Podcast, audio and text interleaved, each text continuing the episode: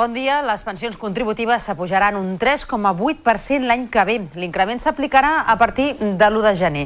D'aquesta manera, l'augment de la pensió mitjana de jubilació a l'Estat serà de 734 euros a l'any. Segons el govern espanyol, més de 10 milions de pensionistes veuran com es manté o augmenta la seva prestació. Ho confirmen les dades de l'IPC de novembre, que s'ha situat a Catalunya en el 3,1%, tres dècimes menys que a l'octubre. Així, els preus continuen pujant pujant, però de manera més moderada. D'aquesta manera encapçalem el Notícies en xarxa d'aquest divendres dia 15 de desembre i al punt de les 7 del matí repassem també altres titulars. La Generalitat vol retirar la tutela als pares dels menors inimputables que cometin agressions sexuals si els programes d'acompanyament no funcionen. El govern ha presentat l'informe elaborat per un grup d'experts arran dels darrers casos amb menors implicats a Badalona. La consellera d'Educació, Anna Simó, ha enviat una carta a les famílies en què les insta a la gestió responsable de les pantalles a casa i a l'estudi dels fills. Ho fa després dels últims resultats de l'informe PISA i deixa clar que ja s'estan aplicant les mesures per intentar revertir-los. La Moncloa refreda la reunió que el secretari general de Junts, Jordi Turull, ha assegurat que mantindran Pedro Sánchez i Carles Puigdemont. Una trobada que no tindria data fixada i que el president del govern espanyol assegura que no figura a la seva agenda. I en esports, victòries del Barça i Calafell a la segona jornada de la Lliga de Campions d'hoquei patins i derrotes de Reus i Lleida. Els blaugranes van guanyar per 1-3 a la pista del Forte dei Marmi i lideren el grup amb dues victòries en dos partits. El Lleida va perdre a Tricino, mentre que el Calafell va superar el Reus per 4-1. I en cultura, el Museu Nacional d'Art de Catalunya inaugura l'exposició Donació Pere Formiguera, la pulsió creativa. És una mostra de les més de 4.000 fotografies del fons del fotògraf Sant Cugatenc cedida per la seva família.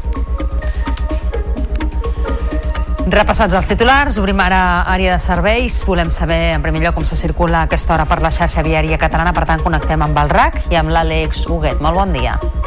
Molt bon dia, matí de moment amb quatre incidències arreu de la xarxa de tot el país. Una avaria a l'A2 entre el Col·letge i Lleida fa que hi hagi un vehicle apartat al voral en sentit oest i es talla la calçada en tres punts. A la C37 el tram d'Igualada en els dos sentits per un accident, un altre a l'N230 a l'est, també a la demarcació de Lleida, i finalment a l'N260 en aquest cas per un episodi de vent a Portbou en sentit França. I més a prop de Barcelona no hi ha tantes cues, ara destaquem la ronda litoral en sentit sud, el tram del Bon Pastor des del Nus de la, Trinitat, i l'entrada per la C58 avui amb, amb més de 5 quilòmetres de cues, així com trams més curts de l'habitual en sentit sud, tant a la B10 al Fòrum com a la B20 per la sortida de Roquetes. És tot des del RAC, bon dia. I ara tanquem portada amb la previsió del temps de cara aquest divendres i la resta del cap de setmana. Lluís Miquel Pérez, molt bon dia.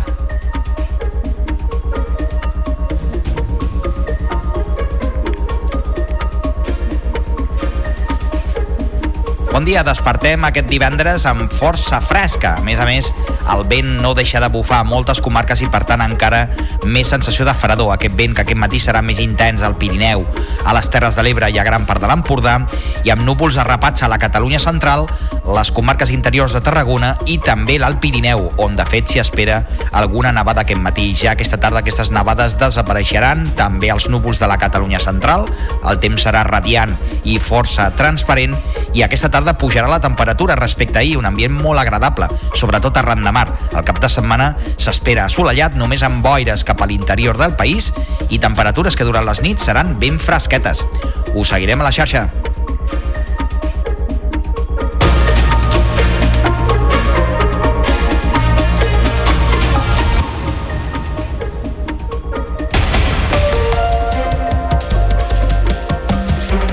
Les dades de l'IPC confirmen que les pensions contributives es revaloritzaran un 3,8% l'any que ve, segons el Ministeri d'Inclusió, Seguretat Social i Migracions. L'increment que es farà efectiu a partir de l'1 de gener és el resultat de l'IPC mitjà entre desembre del 2022 i novembre del 2023, d'acord amb la fórmula acordada amb els agents socials. Amb aquesta pujada, l'augment de la pensió mitjana de jubilació a l'Estat serà de 734 euros a l'any i l'import mitjà del sistema se situarà en els 1.200 euros, 638 més que més a l'any. Segons el govern espanyol, més de 10 milions de pensionistes veuran com es manté o com augmenta la seva prestació i la inflació a Catalunya baixa 3 dècimes fins al 3,1% al novembre. Això són 3 dècimes eh, menys que a l'octubre, segons les dades publicades per l'Institut Nacional d'Estadística. En el conjunt de l'Estat, l'IPC s'ha situat al 3,2% i tot plegat confirma una moderació respecte a la variació anual de fa un any. Els aliments són encara un 8,4% més cars que fa un any, és una dècima més que el mes passat, mentre que el transport ho va fer en un 1,1%, és a dir, 1,2 punts menys. Els preus en els vestits pugen un 2,3%, dues dècimes més, mentre que en el lloguer d'habitatges eh, es mantenen en un 1,8% respecte a la variació de l'octubre. I d'altra banda, destaca el descens del 17,8% de l'electricitat, el gas i altres combustibles. I encara parlant d'economia, la DOCAVA torna a mostrar un sòlid creixement durant els nou primers mesos de l'any. Segons dades del Consell Regulador, l'increment de vendes ha superat en més del 2% les de l'any passat i han crescut un 7,5% en el mercat nacional. Són unes dades de rècord que, tot i la inflació, permeten al sector afrontar amb optimisme la campanya de Nadal. És una crònica de Penedès TV. Per cellers de la comarca com Sumarroca, situat a Sant Sadurní de Noia, la campanya nadalenca és molt important, ja que suposa el 40% de la facturació anual de cava del celler. Aquest any les expectatives de vendes del celler són positives, amb una campanya que està funcionant molt bé, però que novament està marcada pel context inflacionari actual. Segons Joaquim Tosses, president de l'Associació d'Elaboradors de Cava, l'increment dels costos de producció d'aquesta DO no és una novetat, sinó un problema iniciat l'any 2021 amb l'augment del preu de l'energia que s'ha estès a les matèries primeres com el raïm, que aquest any ha pujat un 20% provocant de manera conjunta un escenari d'hiperinflació general en el sector vitivinícola. Va començar amb tot el tema energètic eh, durant el 21 i s'han seguit amb eh, increments sobre el vidre, increments sobre el paper, increments sobre la logística, és a dir, estem en una entorn, aquests dos últims anys i mig aproximadament, d'una hiperinflació molt forta sobre el producte, en general el vi i el cava en particular. Les bones previsions econòmiques durant Nadal, però, poden canviar aviat. Les vendes són positives, però la collita d'enguany ha sigut molt curta fruit de la sequera. Un fet, avisen des de l'Associació d'Elaboradors de Cava, que farà preveure una reducció progressiva del nombre d'ampolles de cava produïdes. I a tot això, el Banc Central Europeu manté els tipus d'interès en el 4,5%, que és el nivell més alt des de principis del 2001. Segueix d'aquesta manera el camí de la Reserva Federal nord-americana, que aquesta setmana també ha anunciat que els manté sense canvis, en el seu cas, en el 5,5%. En el seu comunicat, el BCE evita obrir la porta a futures baixades dels tipus d'interès. Reconeix, això sí, que la restricció de crèdit està frenant l'economia i de retruc els preus, però també avisa que la inflació podria reactivar-se temporalment en els pròxims mesos. I en clau laboral, els treballadors de Conforça han desconvocat les aturades parcials i els talls de carretera que tenien previst reprendre avui divendres. La plantilla ha rebut l'avís de pagament de la bestreta del 3% per l'avançament de conveni que reclamava i és una acció que des del comitè d'empresa consideren com a indici per a negociar el conveni. Tot i això, adverteixen que si la situació no millora es tornaran a mobilitzar al gener.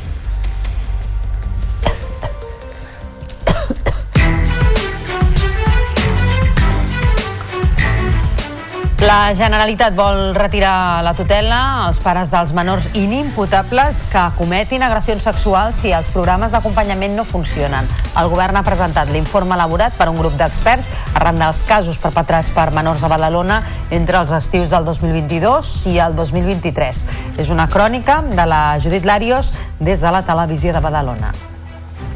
L'informe conclou que l'augment de denúncies, tot i que genera alarma social, no està lligat a una tendència a l'alça d'agressions sexuals dutes a terme per menors inimputables. En canvi, el text ho vincula a la rellevància mediàtica i social dels fets i a una major consciència social. És molt més fàcil generar eh, la por respecte als casos que hem visualitzat i que han generat aquesta alarma social, de prendre consciència que els menors de la nostra societat estan en risc precisament per les persones que no generen alarma social. L'anàlisi encarregat per la Generalitat pretén evitar la reincidència dels menors de 14 anys i fer front a la sensació d'impunitat que creuen que sovint es vincula a aquests casos. En aquest sentit, en el grup d'experts com el titular de Drets Socials s'han mostrat contraris a rebaixar l'edat penal remarcant que seria contraproduent. Una de les mesures anunciades és el desplegament del Servei d'Atenció a Menors Inimputables, que es farà l'any vinent amb l'ajuda d'entitats socials especialitzades en el treball amb menors agressors. El programa posarà èmfasi en accions sobre responsabilitat i reparació del dany comès a les víctimes per part dels menors i les seves famílies. La nostra voluntat política és que en aquells casos en què els programes d'acompanyament a les famílies no funcionin, les famílies assumiran la seva responsabilitat i serà la Generalitat qui es farà càrrec de la tutela d'aquests menors. Davant l'alerta de l'informe sobre l'impacte de l'accés a la pornografia en els joves, el pla també inclou un estudi jurídic per posar límits a l'accés a aquests continguts.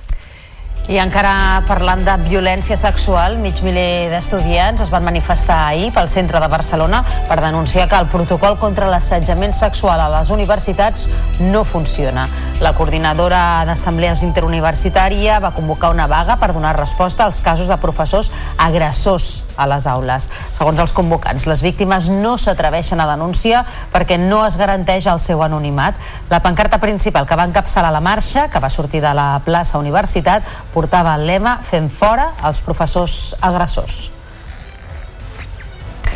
I la consellera d'Educació, Anna Simó, ha enviat una carta a les famílies després dels darrers resultats de l'informe PISA, on ha assegurat que ja s'estan impulsant les reformes necessàries per revertir aquesta situació. Ha afegit que es reforçaran en especial els aprenentatges en lectura, matemàtiques i llengües. La consellera ha demanat suport per als docents i també ha destacat el paper clau de les famílies en l'acompanyament en l'estona dedicada a l'estudi i la gestió també responsable de les pantalles. A més, ha defensat que l'escola ha de ser diversa perquè la societat ho és i en conseqüència insta la comunitat educativa a ser capaç d'atendre com cal aquesta diversitat i reforçar l'assoliment de les competències que ha d'adquirir tot l'alumnat.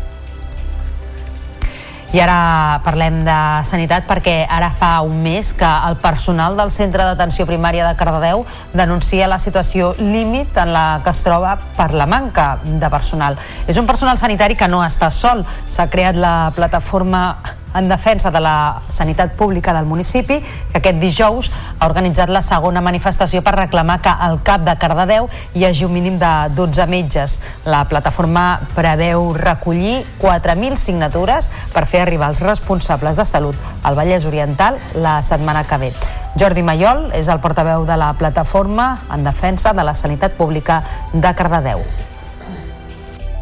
creiem que aquest cap de setmana arribarem a, a agafar i arribar a les 4.000, no? Nosaltres el dia 9 ens trobarem a Granollers eh, i entregarem les signatures a la, a la, a la Norma Airlines, que és el responsable del departament aquí a la comarca. Nosaltres continuem defensant els 12, els 12 metges que volem i que estem disposats a escoltar tothom i a parlar amb tothom.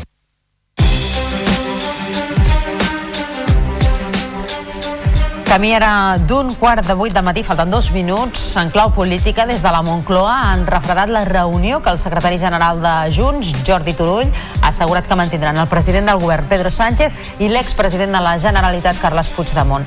És una trobada que no tindria encara data, segons la formació independentista, però que seria imminent.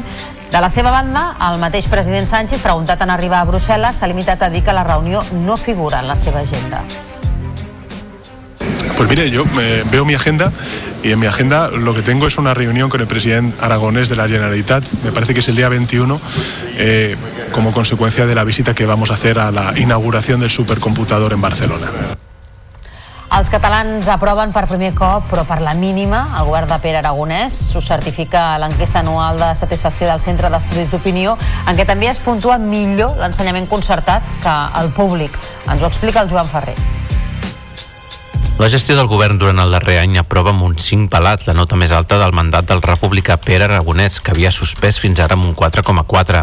L'aprova un 62% dels encastats del CEO i el 35% el suspèn, mentre que si bé l'any passat només l'aprovaven els simpatitzants d'Esquerra, ara ho fan tots, excepte PP, Ciutadans i Vox. Malgrat tot, la nota més alta és d'un 5,9 dels simpatitzants republicans i la més baixa un 3,7 dels d'ultradreta.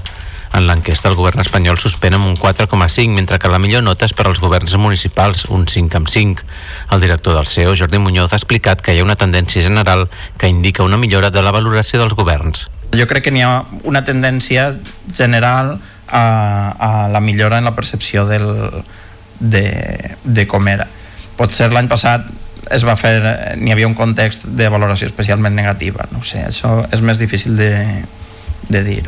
Es va fer poc després del trencament del govern, eh, bueno, no sé, potser era potser una cosa de, del context de l'any passat o potser una cosa del context d'aquest any. El baròmetre també reflexa una millor satisfacció dels catalans per l'escola concertada, que rep un 7,7 de nota, mentre que la pública es troba 6 dècimes per sota.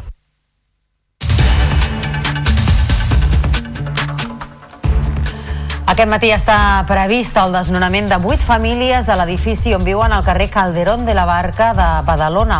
Els afectats van començar ahir a recollir els seus objectes personals d'un immoble que va ser declarat en estat ruïnós pels tècnics municipals fa uns anys i un risc per als ocupants.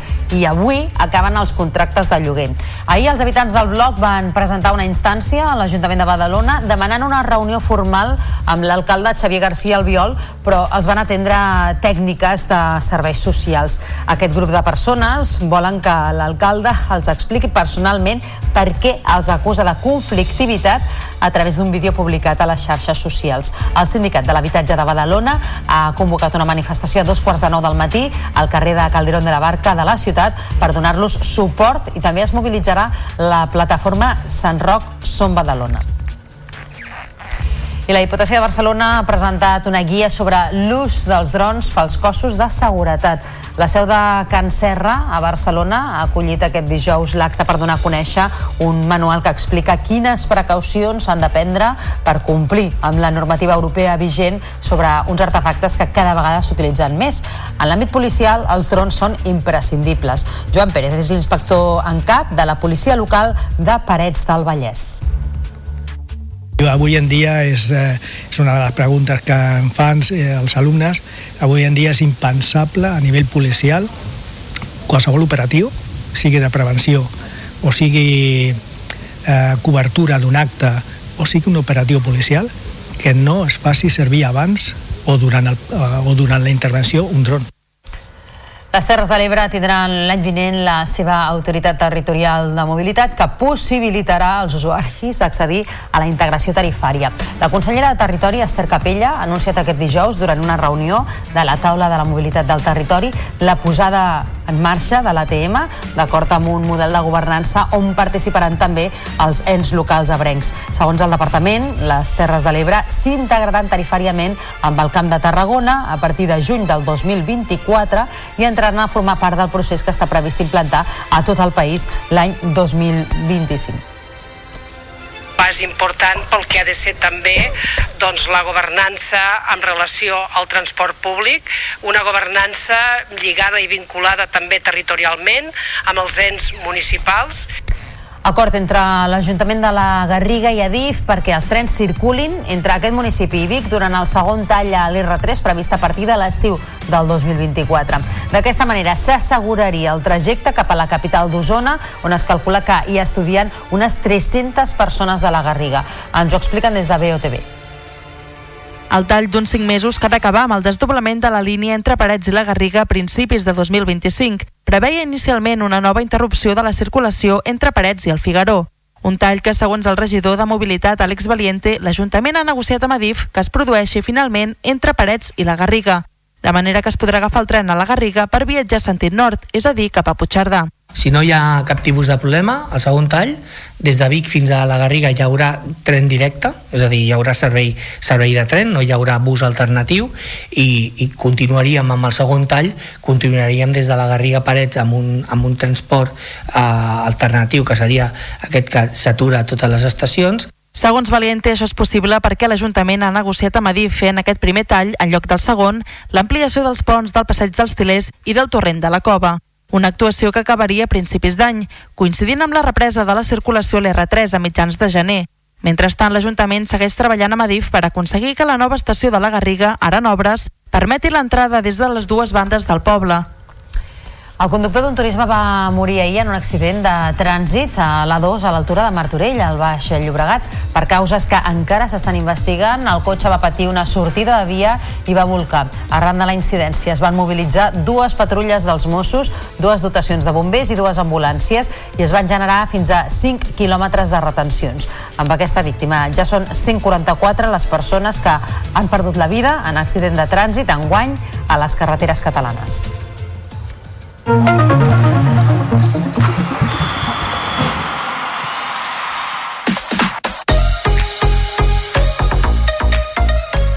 La segona jornada a la Lliga de Campions d'hoquei patins ens ha deixat les victòries del Barça i el Calafell. Els blaugranes van guanyar per 1-3 a la pista del Forte dei Marmi, que és un dels equips més forts de la Lliga italiana, i lideren el grup amb dues victòries en dos partits. Bargalló va encarrilar el partit amb un gol al minut 7 i no va ser fins al segon temps que Joao Rodríguez va ampliar diferències transformant una pena màxima. A poc més d'un minut per al final del partit, un gol d'Ambrosio va aportar emoció al marcador marcador, però de seguida Bargalló va fer el gol de la sentència. El jugador destacava la superioritat blaugrana i la importància de tancar l'any amb victòria. Sabíem que era una pista complicadíssima, partit de Copa Europa, davant d'un equipàs, i bé, crec que han fet un partidàs de tot l'equip, començant pel Chencho, que ha estat impressionant, i després nosaltres hem estat molt bé en defensa i també en atac jugant el que, el que volíem i ens ha servit per, per emportar-nos la victòria. Era important guanyar i era important saber jugar el partit, crec que, que tot l'equip ha fet un partidàs i al final doncs, molt contents per acabar així l'any. El duel català de la jornada a Europa es va resoldre a favor del Calafell, que es va imposar per 4-1 al Reus. És la primera victòria i, per tant, històrica del Calafell a la fase de grups de la màxima competició europea. La va aconseguir gràcies als gols de Carles Domènech, Oriol Vives, Jordi Ferrer i Arnau Xaus. Maxi Oruste va fer el gol dels reusencs, que han perdut els dos partits disputats fins ara. A l'altre partit, en presència catalana, el Lleida va caure per 8 a 4 a la pista del Trici Casino i suma un punt en dues jornades. I aquest cap de setmana torna l'Hockey Lliga Iberdrola després de l'europeu d'Olot, que recordem que va acabar amb la victòria de la selecció espanyola. Un dels aspirants al títol, el Vilassana, juga demà a la tarda un duel de proximitat a la pista del Fraga. Ens apropa la prèvia des de Lleida Televisió el Julen Andrés. Torna la Lliga pel Club Patí Vilassana Cooperativa d'Ibars després de l'aturada de seleccions on les dues jugadores de l'equip lleidatà, Anna Salvat i Victòria Porta, s'han proclamat campiones d'Europa, torna la competició de clubs.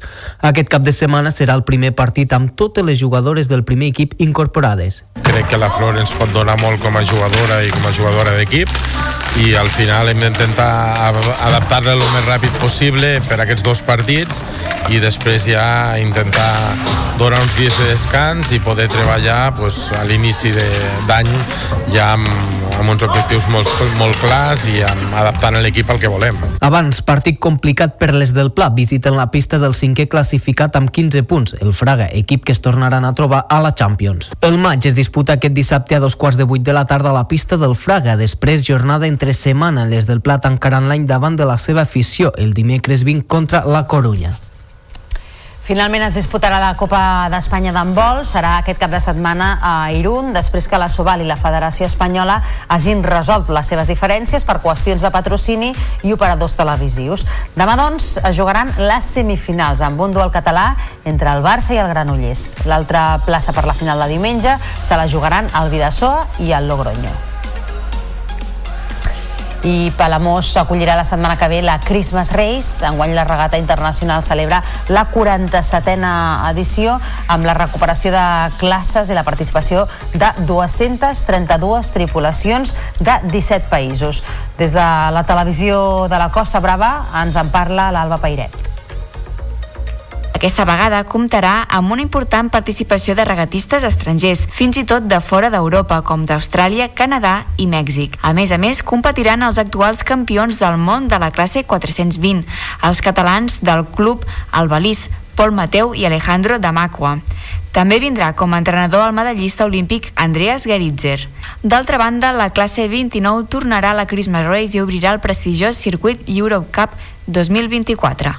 En termes de sostenibilitat, la regata torna a apostar per cuidar el medi ambient i ho fa amb un seguit de mesures. reducció del 100% de paper i comunicacions online del Reis Management, que ja es fa des de fa anys. Fons d'aigua, oficials i tots els equips porten bidons per omplir, no ampolles de plàstic, als pícnics.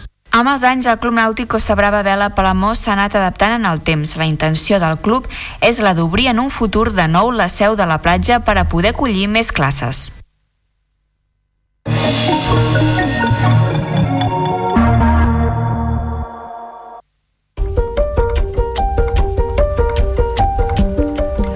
El Museu Nacional d'Art de Catalunya ha inaugurat l'exposició Donació Pere Formiguera, la pulsió creativa. És una mostra de les més de 4.000 fotografies del fons del fotògraf Sant Cugatenc cedit per la seva família. Un reconegut, un recorregut per l'obra de l'artista inclassificable que va explorar els límits de la fotografia. Ens ho explica el David Navarro. Pere Formiguera va ser un artista polièdric, historiador de la fotografia, escriptor, comissari d'exposicions i, per sobre de tot, fotògraf. Mort l'any 2013, la seva família va dipositar el seu fons, format per fotografies, però també per la seva biblioteca, diapositives i fulls de contacte en el MANAC l'any 2016.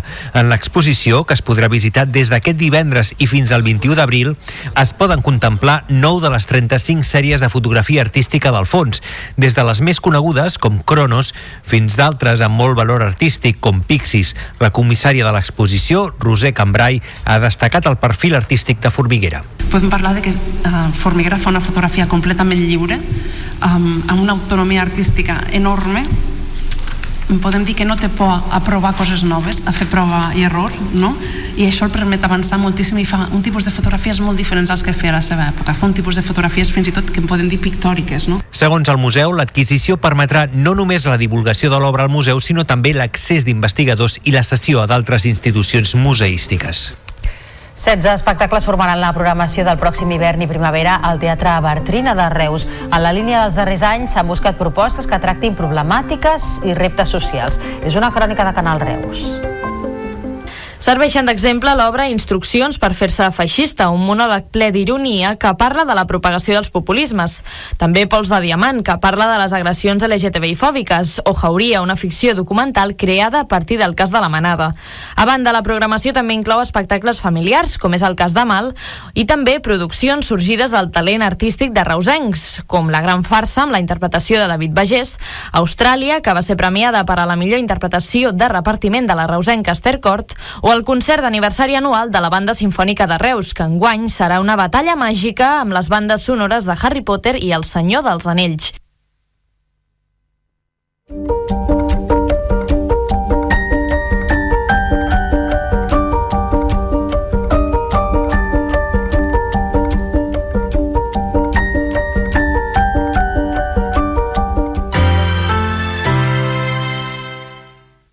La xarxa de comunicació local. Hi ha llocs on no se celebra el Nadal? Nadal és una festa cristiana. Per això, als països on aquesta religió no és majoritària, és normal que no s'hi organitzin festes. No obstant això, el cristianisme ha tingut una gran influència en el món, de manera que fins i tot a llocs on no es practica poden celebrar el Nadal. Hem de portar-nos millor per Nadal? Per descomptat, cal portar-se bé tot l'any, no només durant el Nadal. Ara bé, aquestes festes tan especials ens animen a portar-nos millor. La rutina es trenca, hi ha vacances, se solen fer regals i molta gent està de bon humor. Per què no ho aprofitem per ser millors persones? La gent està més contenta pel Nadal. A moltes persones els agrada aquesta època de l'any i l'esperen amb alegria. Els encanta reunir-se amb la família, gaudeixen fent i rebent regals, senten que és un temps de reflexió i d'esperança. N'hi ha d'altres, però, que es posen més aviat tristes si, per exemple, troben a faltar un amic o un familiar molt estimat o no tenen en qui compartir les festes. Per què es desitgen bones festes? És una forma de desitjar als altres que els passin coses bones. Es considera que si algú passa aquestes festes amb felicitat és perquè la seva família està bé i probablement s'han pogut reunir, que la seva salut és bona, que té el necessari per viure amb comoditat. Els supertafaners ho volen saber tot del Nadal, de l'editorial Larús, és un dels llibres que les ràdios locals et regalem a aquestes festes. Escolta contes, poemes i supertafaneries a Lletres de Nadal, a la teva ràdio local i a la xarxa més.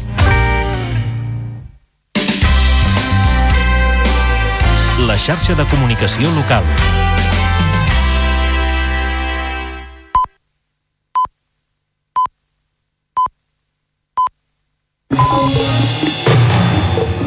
Notícies en xarxa, amb Taís Trujillo.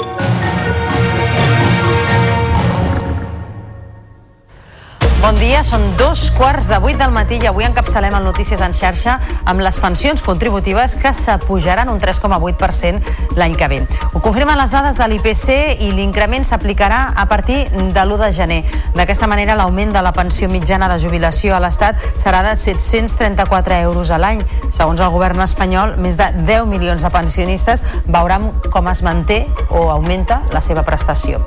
I tot plegat mentre els preus continuen pujant, però de manera més moderada. La inflació de novembre s'ha situat a Catalunya en el 3,1%, tres dècimes menys que a l'octubre. De seguida us ampliarem perquè parlarem d'aquesta pujada de preus i de com afrontar les despeses de Nadal amb Esther Lorente, que és la delegada de l'Organització de Consumidors a Catalunya. Abans però fem un repàs a la resta de titulars d'aquest divendres, dia 15 de desembre. La Generalitat vol retirar la tutela als pares dels menors inimputables que cometin agressions sexuals si els programes d'acompanyament no funcionen. El govern ha presentat l'informe elaborat per un grup d'experts arran dels darrers casos amb menors implicats a Badalona.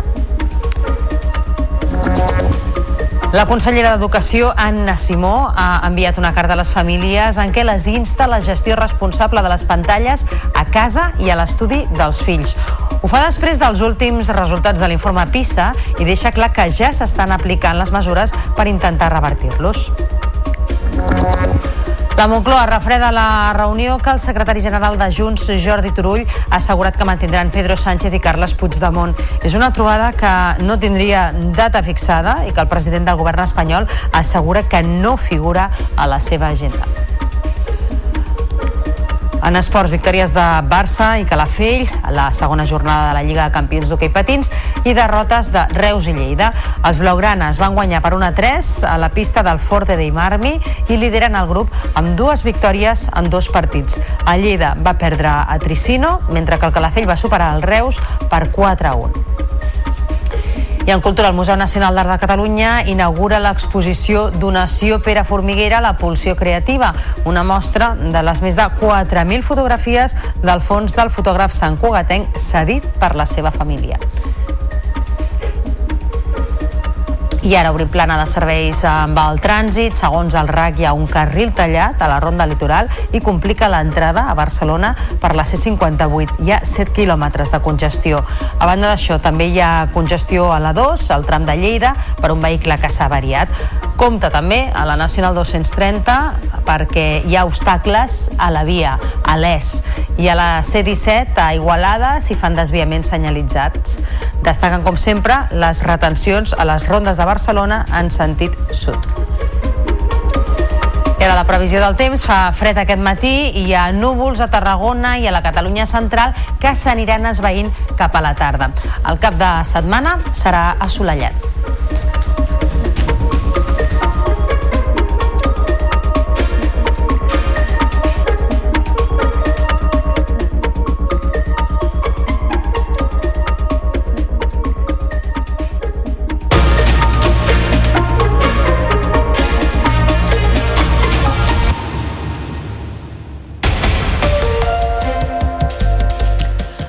Les dades de l'IPC confirmen que les pensions contributives es revaloritzaran un 3,8% l'any que ve, segons el Ministeri d'Inclusió, Seguretat Social i Migracions.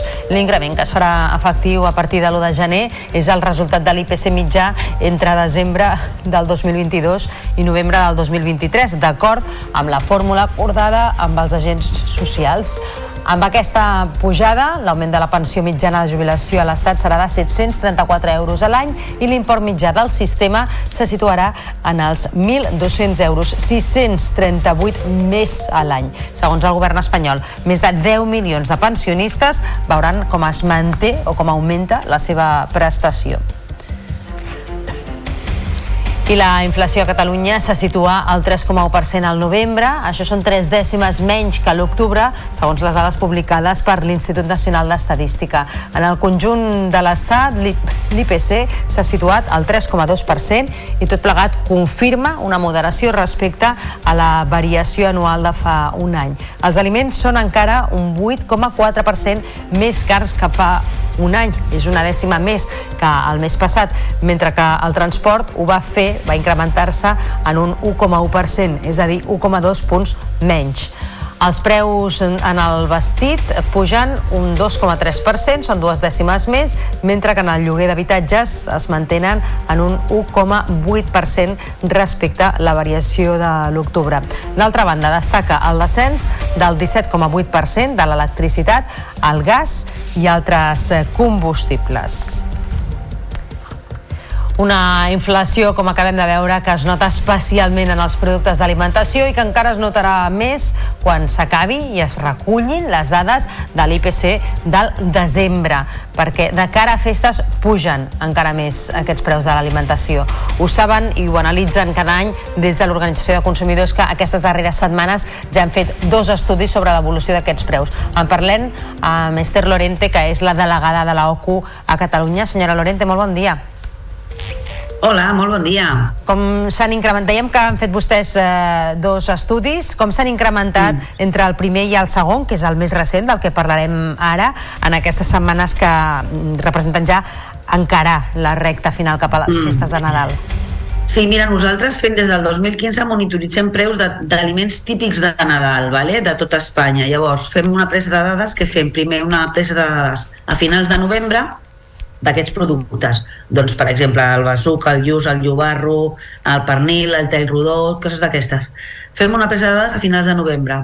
Eh, després fem una després del pont de la Puríssima i una altra just de, abans de, de les vísperes de, de festes el que hem vist és que aquests productes des del mes de finals de novembre que s'havien eh, pres la primera presa de dades han pujat un 4,5% de mitjana eh, com ha pujat això?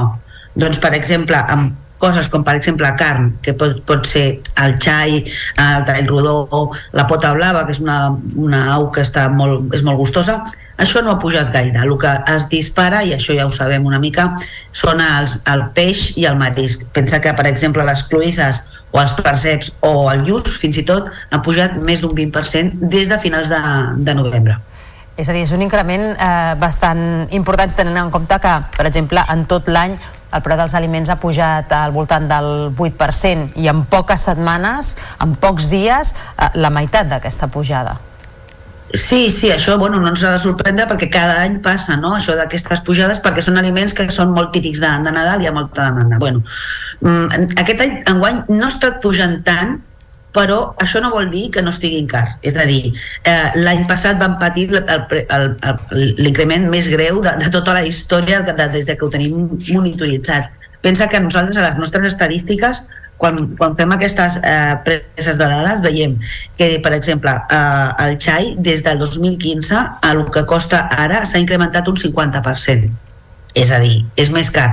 Que ara, de la primera presa de dades a, a avui, no ha pujat molt, no, però és un 50% més car que, que el compràvem el 2015. Per això nosaltres monitoritzem aquests preus, per també tenir una, un, un indicador. Aquests preus són una de les causes de que gastem sí. tants diners en les festes de Nadal. Uh, quins consells podeu donar des de l'Organització de Consumidors per contenir aquesta despesa? Bé, primer de tot fer previs, previsió, eh, una mica, i si tenim un bon congelador, potser, bueno, potser anem, anem tard, però bueno, eh, comprar abans eh, aquests menjars tan típics, sobretot de peix, etc, ben congelat i després descongelar-ho ben descongelat i cuinar-ho no, no passa res. I després, doncs, si s'ha pujat tantíssim i no es pot, doncs potser anar a fer uns àpats que no siguin el millor de, de peix i de marisc doncs no es pot aquells dies, no? I ho pots menjar potser al gener eh, doncs, doncs variar, per exemple, el que són les aus, que són molt bones i molt gustoses, i la carn no sol mm, pujar, mm, variar molt. Llavors, potser seria una manera de, pels menús aquests de, de Nadal, sí, sí. Esther Lorente, delegada de l'OCU a Catalunya, gràcies per atendre'ns aquest matí al Notícies en xarxa. Molt bon dia, fins a la propera. A vosaltres, bon dia. Adéu. I a tot això, el Banc Central Europeu manté els tipus d'interès en el 4,5%, que és el nivell més alt des de principis del 2001. Segueix d'aquesta manera el camí de la Reserva Federal nord-americana, que aquesta setmana també ha anunciat que els manté sense canvis, en el seu cas, en el 5,5%. En el seu comunicat, el BCE evita obrir la porta a futures baixades dels tipus d'interès. Reconeix, això sí, que la restricció de crèdit està frenant l'economia i de retruc els preus, però també avisa que la inflació podria reactivar-se temporalment en els pròxims mesos.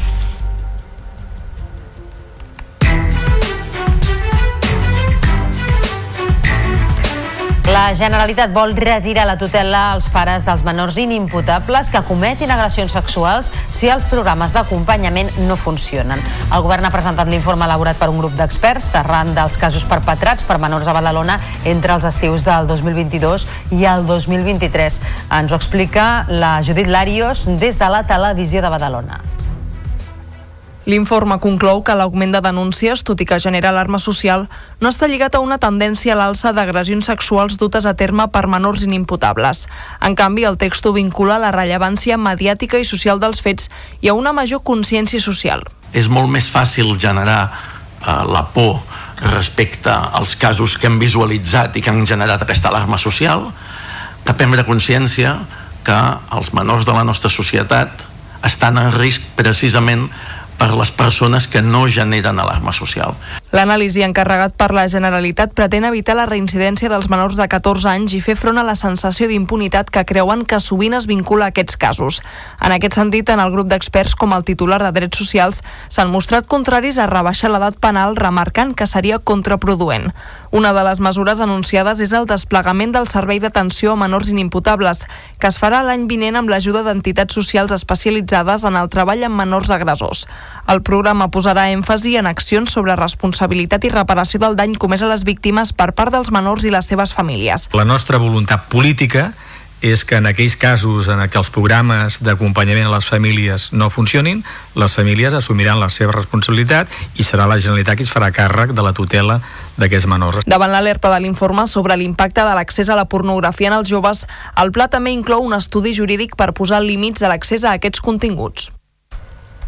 I encara parlant de violències sexuals, mig milió d'estudiants es va manifestar ahir pel centre de Barcelona per denunciar que el protocol contra l'assetjament sexual a les universitats no funciona. Segons els convocants, les víctimes no s'atreveixen a denunciar perquè no es garanteix el seu anonimat. La pancarta principal que va encapçalar la marxa, que va sortir de la plaça Universitat, portava el lema Fem fora els professors agressors. I la FAC s'ha mostrat indignada per la carta que la consellera d'Educació, Anna Simó, ha enviat aquest dijous a les famílies. En ella, i després dels darrers resultats de l'informe PISA, la consellera assegura que ja s'estan impulsant les reformes necessàries i insta a la comunitat educativa a ser capaç d'atendre com cal la diversitat. Simó, a més, demana a les famílies suport per als docents i també les insta a la gestió responsable de les pantalles a casa i a l'acompanyament dels fills en l'estudi i en el foment de la lectura. És aquest punt el que ha provocat la indignació de la FAC, que assegura que la consellera no ha de demanar a les famílies allò que el departament no és capaç de fer.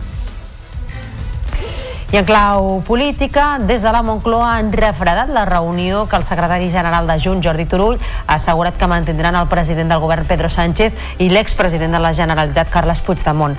És una trobada que no tindria encara data, segons la formació independentista, però que seria imminent. I de la seva banda, el mateix president Sánchez, preguntat en arribar a Brussel·les, s'ha limitat a dir que la reunió no figura a la seva agenda. Pues mire, yo eh, veo mi agenda y en mi agenda lo que tengo es una reunión con el presidente aragonés de la Generalitat, me parece que es el día 21, eh, como consecuencia de la visita que vamos a hacer a la inauguración del supercomputador en Barcelona.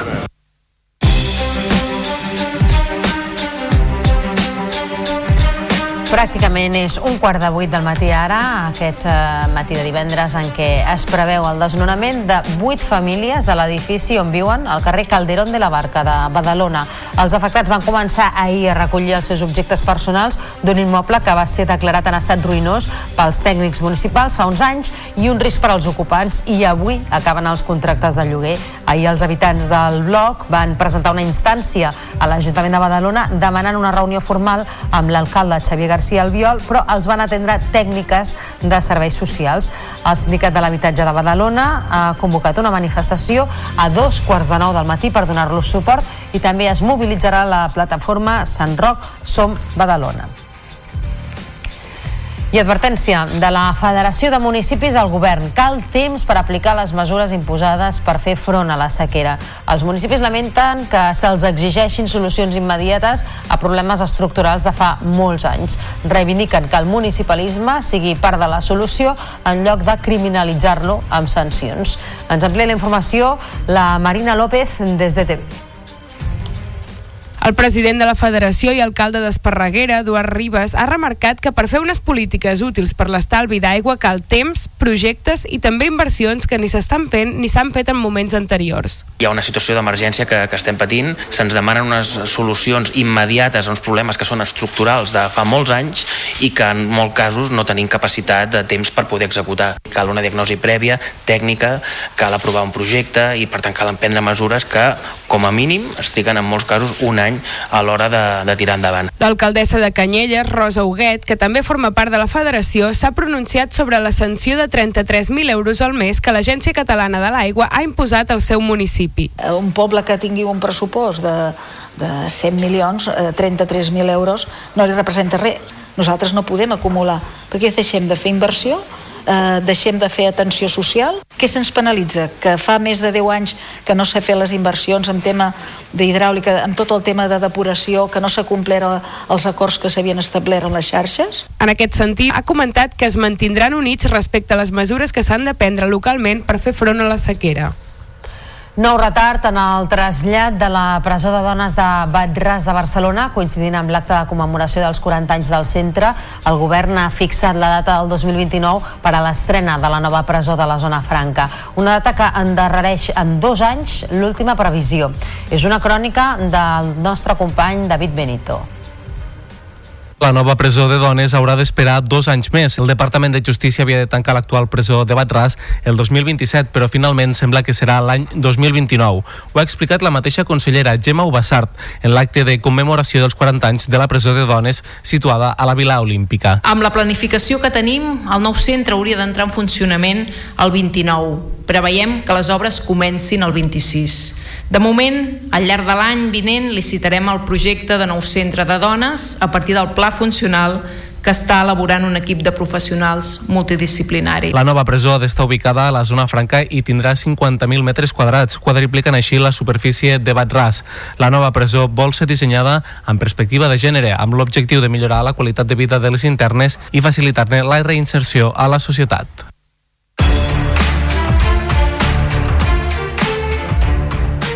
I entre les activitats previstes aquest cap de setmana, Centelles s'acollirà la Fira de la Tòfona. Arribarà a la setzena edició amb parades on es podrà comprar aquest preuat fong. La Fira de la Tòfona es farà al passeig modernista d'aquest municipi d'Osona i com a novetat s'hi farà una exposició sobre aquest producte tradicionalment car. També hi haurà tallers de cuina, especialment participatius per a adults i per a públic infantil. Cesc Molera és cap de cuina i professor de l'Escola d'Hostaleria d'Osona es podrà des de, des de netejar la tòfona, conèixer la tòfona, tocar-la, poder-la cuinar i després fer un petit tastet. En el cas de, dels, de, dels infants farem el mateix, podrem fer, podrem fer alguna elaboració a, amb ells que puguin veure i familiaritzar-se familiaritzar amb la tòfona.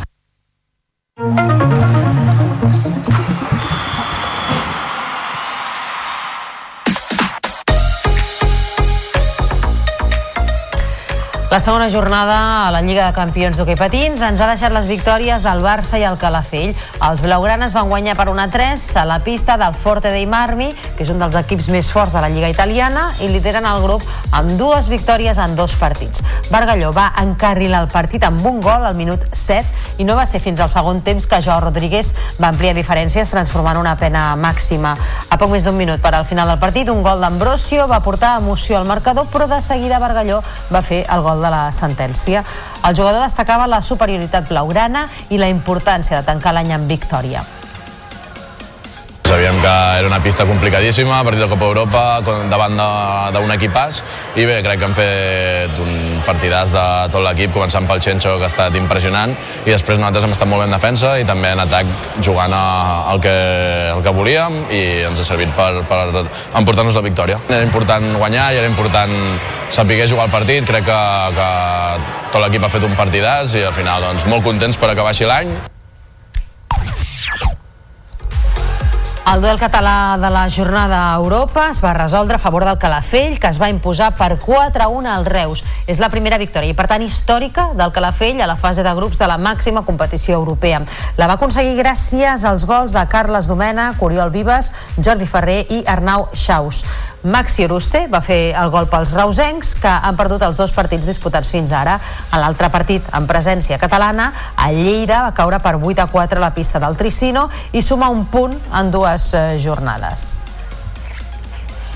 Aquest cap de setmana torna l'Hockey Lliga Iberdrola després de l'Europeu d'Olot, que recordem va acabar amb la victòria de la selecció espanyola.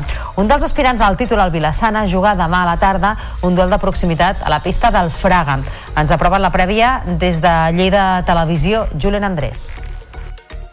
Torna la Lliga pel Club Patí Vilassana Cooperativa d'Ibars després de l'aturada de seleccions on les dues jugadores de l'equip lleidatà, Anna Salvat i Victòria Porta, s'han proclamat campiones d'Europa, torna la competició de clubs. Aquest cap de setmana serà el primer partit amb totes les jugadores del primer equip incorporades. Crec que la Flor ens pot donar molt com a jugadora i com a jugadora d'equip i al final hem d'intentar adaptar-la el més ràpid possible per a aquests dos partits i després ja intentar donar uns dies de descans i poder treballar pues, a l'inici d'any ja amb, amb uns objectius molt, molt clars i amb, adaptant l'equip al que volem. Abans, partit complicat per les del Pla, visiten la pista del cinquè classificat amb 15 punts, el Fraga, equip que es tornaran a trobar a la Champions. El maig es disputa aquest dissabte a dos quarts de vuit de la tarda a la pista del Fraga, després jornada entre setmana, les del Pla tancaran l'any davant de la seva afició el dimecres 20 contra la Corunya. El Barça de bàsquet rep aquesta nit l'EA7 Armani Milà en partit d'Eurolliga a Palau Blaugrana. L'equip de Roger Grimau vol refer-se de la derrota de dimecres contra el Baxi Manresa a l'ACB quan va trencar una ratxa de 13 victòries aquesta temporada com a local. El Barça és segon classificat del grup d'Eurolliga amb un balanç de 10 victòries i 3 derrotes. Això s'hi ve d'una setmana complicada amb 3 derrotes en els darrers 4 partits. I aquest cap de setmana l'Hospitalet es convertirà en l'epicentre del bàsquet formatiu amb la celebració del torneig júnior que organitza el CB l'Hospitalet. Tota la prèvia des de la televisió de l'Hospitalet amb Sergi Esparza. La 44a edició del torneig júnior de bàsquet Ciutat de l'Hospitalet es presenta com una de les més igualades de la seva història, amb la presència dels millors clubs d'Espanya i també del Canadà. S'espera la presència de desenes d'observadors d'equips de la NBA i l'Eurolliga, que voldran seguir de ben a prop a les futures estrelles. De fet, al llarg de la història del torneig han passat jugadors de la talla de Rudy Fernández, José Smith, Mirotic, Balanchunas, Rajan Rondo, Pau Gasol o Luka Doncic, entre d'altres. Hi ha molts equips, molts jugadors, moltes generacions que han passat, que hem pogut disfrutar a la nostra ciutat i que realment, et, quan mires una mica en perspectiva, veus que, que hem disfrutat de les millors generacions de bàsquet no? de, dels últims anys i, i, i, i bueno, pues anem acumulant no? eh, eh, grans jugadors que han passat per l'Hospitalet, això està bé. El torneig arrenca avui divendres amb el partit entre l'Hospi i el Fort Iri. La final tindrà lloc diumenge a partir de dos quarts de vuit del vespre. Les entrades es poden adquirir a la web del propi Club Bàsquet L'Hospitalet. I finalment es disputarà la Copa d'Espanya d'handbol. Serà aquest cap de setmana a Irún, després que la Sobal i la Federació Espanyola hagin resolt les seves diferències per qüestions de patrocini i operadors eh, televisius. Demà, doncs, es jugaran les semifinals amb un duel català entre el Barça i el Granollers. L'altra plaça per la final de diumenge se la jugaran el Vidasoa i el Logroño. I els amants del motor ja poden comprar entrades per la Superbikes Barcelona Motorfest que es disputarà el cap de setmana prèvia, Setmana Santa, al circuit de Barcelona-Catalunya. L'esdeveniment tindrà com a gran atractiu la celebració de la Pirelli Catalunya Round, que és la segona prova de la temporada 2024 del Mundial de Superbike i la primera cita europea pel campionat. El Motorfest serà una gran festa del motor, com el seu nom indica, amb caràcter familiar. Durant el cap de setmana els aficionats podran gaudir d'activitats lúdiques, infantils i d'oci, música, experiències gastronòmiques i també del món del motor dins de les mateixes instal·lacions del circuit.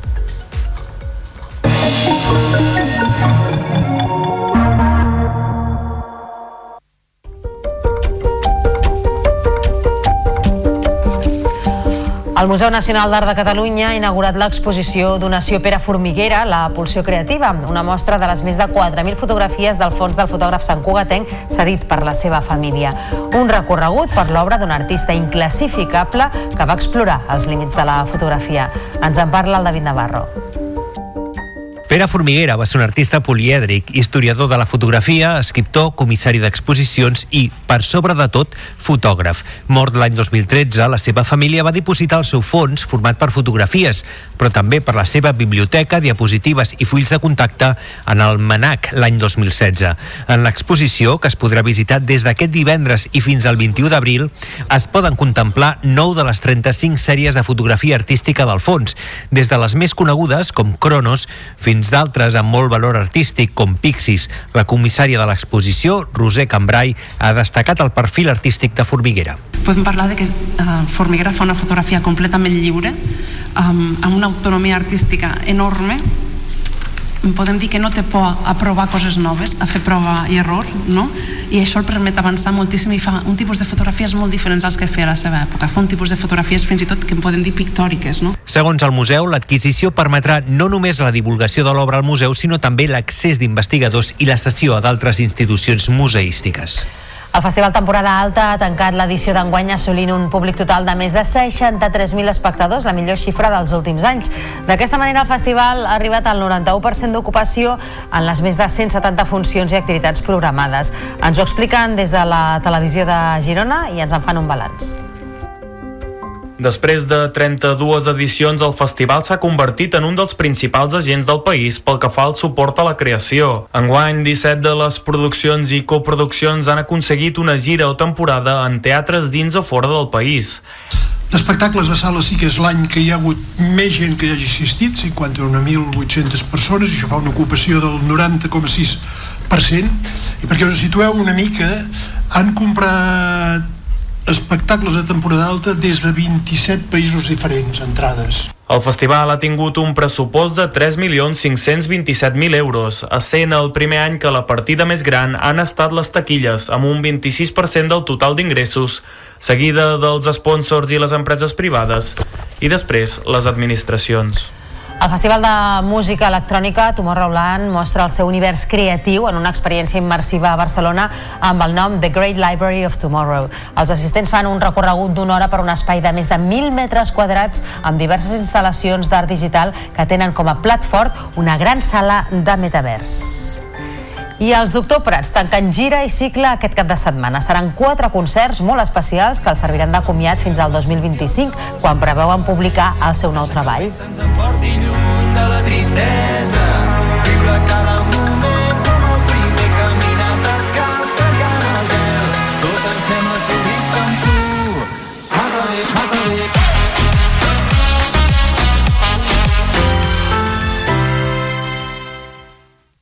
la xarxa de comunicació local.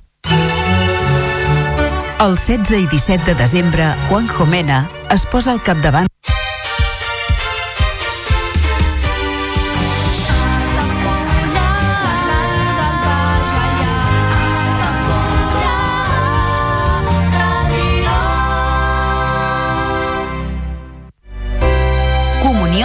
2024. Dates ja disponibles amb sales privades, jardí, pàrquing privat i la millor gastronomia. Més informació i reserves al 977 65 11 55 i a comercial arroba altafullamarotel.com o al web altafullamarotel.com. Les teves celebracions familiars a l'Altafulla Mar Hotel.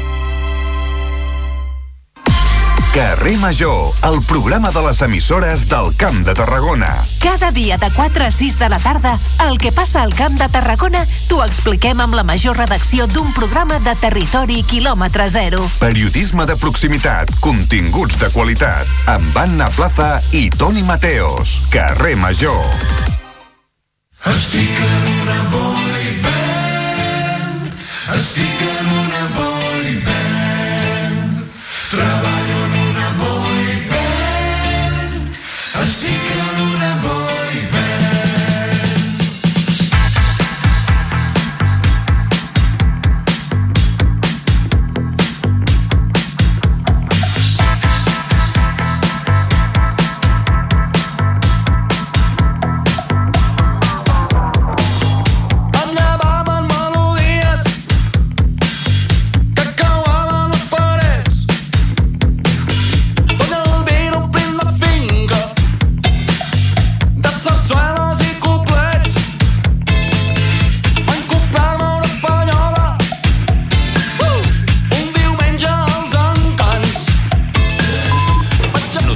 en xarxa, edició matí.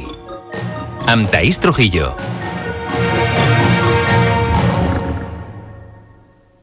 Les pensions contributives s'apujaran un 3,8% l'any que ve. L'increment s'aplicarà a partir de l'1 de gener. D'aquesta manera, l'augment de la pensió mitjana de jubilació a l'Estat serà de 734 euros a l'any. Segons el govern espanyol, més de 10 milions de pensionistes veuran com es manté o augmenta la seva prestació. Ho confirmen les dades de l'IPC de novembre, que s'ha situat a Catalunya en el 3,1%, tres dècimes menys que a l'octubre. Així els preus continuen pujant, però de manera més moderada. Doncs així encapçalem el Notícies en xarxa d'aquest divendres, dia 15 de desembre, i al punt de les 8 del matí repassem també altres titulars. La Generalitat vol retirar la tutela als pares dels menors inimputables que cometin agressions sexuals si els programes d'acompanyament no funcionen. El govern ha presentat l'informe elaborat per un grup d'experts arran dels darrers casos amb menors implicats a Badalona. La consellera d'Educació, Anna Simó, ha enviat una carta a les famílies en què les insta la gestió responsable de les pantalles a casa i a l'estudi dels fills. Ho fa després dels últims resultats de l'informe PISA. La carta ha provocat la indignació de les famílies. La Moncloa refreda la reunió que el secretari general de Junts, Jordi Turull, ha assegurat que mantindran Pedro Sánchez i Carles Puigdemont. Una trobada que no tindria data fixada i que el president del govern espanyol assegura que no figura a la seva agenda. En esports, victòries de Barça i Calafell a la segona jornada de la Lliga de Campions d'hoquei patins i derrotes de Reus i Lleida. Els blaugranes van guanyar per 1 a 3 a la pista del Forte dei Marmi i lideren el grup amb dues victòries en dos partits. El Lleida va perdre a Tricino, mentre que el Calafell va superar el Reus per 4 a 1. I en cultura, el Museu Nacional d'Art de Catalunya inaugura l'exposició Donació Pere Formiguera, la pulsió creativa, una mostra de les més de 4.000 fotografies del fons del fotògraf Sant Cugatenc cedit per la seva família. Repassats els titulars, ara obrim àrea de serveis. Volem saber com se circula aquesta hora a les 8 del matí per la xarxa viària. Per tant, connectem amb el Servei Català de Trànsit i amb l'Eduard Sánchez. Molt bon dia. Hola, bon dia. Doncs tenim diferents incidències a comentar pel que fa a la mobilitat, començant per la C37, on hi ha hagut un accident eh, de matinada, primera al matí, vaja, a l'altura d'Igualada, la via està tallada en els dos sentits de la Barça. A l'autopista AP7 també per un accident hi ha aturades entre Cerdanyola i Barberà del Vallès, eh, ben bé 3-4 quilòmetres, sentit Girona, per aquest accident hi ha un carril tallat, i d'altra banda també tenim aturades a la ronda litoral de Barcelona a causa d'un vehicle variat a l'altura de Bon Pastor ocupant carril sentit Llobregat, les cues ja són al nus i de retruc també les vies que van a, a patar al nus de la Trinitat també amb lentitud i retencions, és a dir, la pota nord entre Santa Coloma i el nus i sobretot la C33 i la C58 ja amb 3-4 quilòmetres cadascuna des de Montcada i Reixac. És tot, molt bon dia. I tanquem portada amb la previsió del temps de cara a aquest divendres i també la resta del cap de setmana. Lluís Miquel Pérez, molt bon dia, com es presenta? Taís, doncs un temps perfecte si hem de fer activitats al ras, però avui s'haurà de tenir en compte encara el vent, que ja està bufant en algunes comarques. De fet, aquest matí bufarà amb més ganes al Pirineu, també a l'Empordà, una bona tramuntanada al igual que les comarques del sud de Tarragona, aproximadament des del riu Francolí cap al sud, aquest vent de mestral, vent de dalt, bastant intens. Alguns núvols s'estan formant a la Catalunya central, sobretot al voltant de la Noia i de la Sagarra, al igual que alguna boira, fins i tot que apareix al sud de Lleida. Independentment, alguns núvols més enganxats a l'Alt Pirineu, on encara aquest matí s'hi espera alguna nevadeta. Aquesta tarda aquestes nevades marxen, el sol serà dominant a la resta del país, ja amb una mica menys de vent, i la tarda acabarà sent bastant agradable, més que la d'ahir. I aquest ambient de bonança ha de continuar el cap de setmana, tardes de molta suavitat, nits fredes i ja les matinades amb boires que aniran apareixent a les comarques de Lleida. Fem un apunt perquè sembla que no tornarà a ploure gaire més en el que queda d'any i n'estarem molt pendents de la xarxa.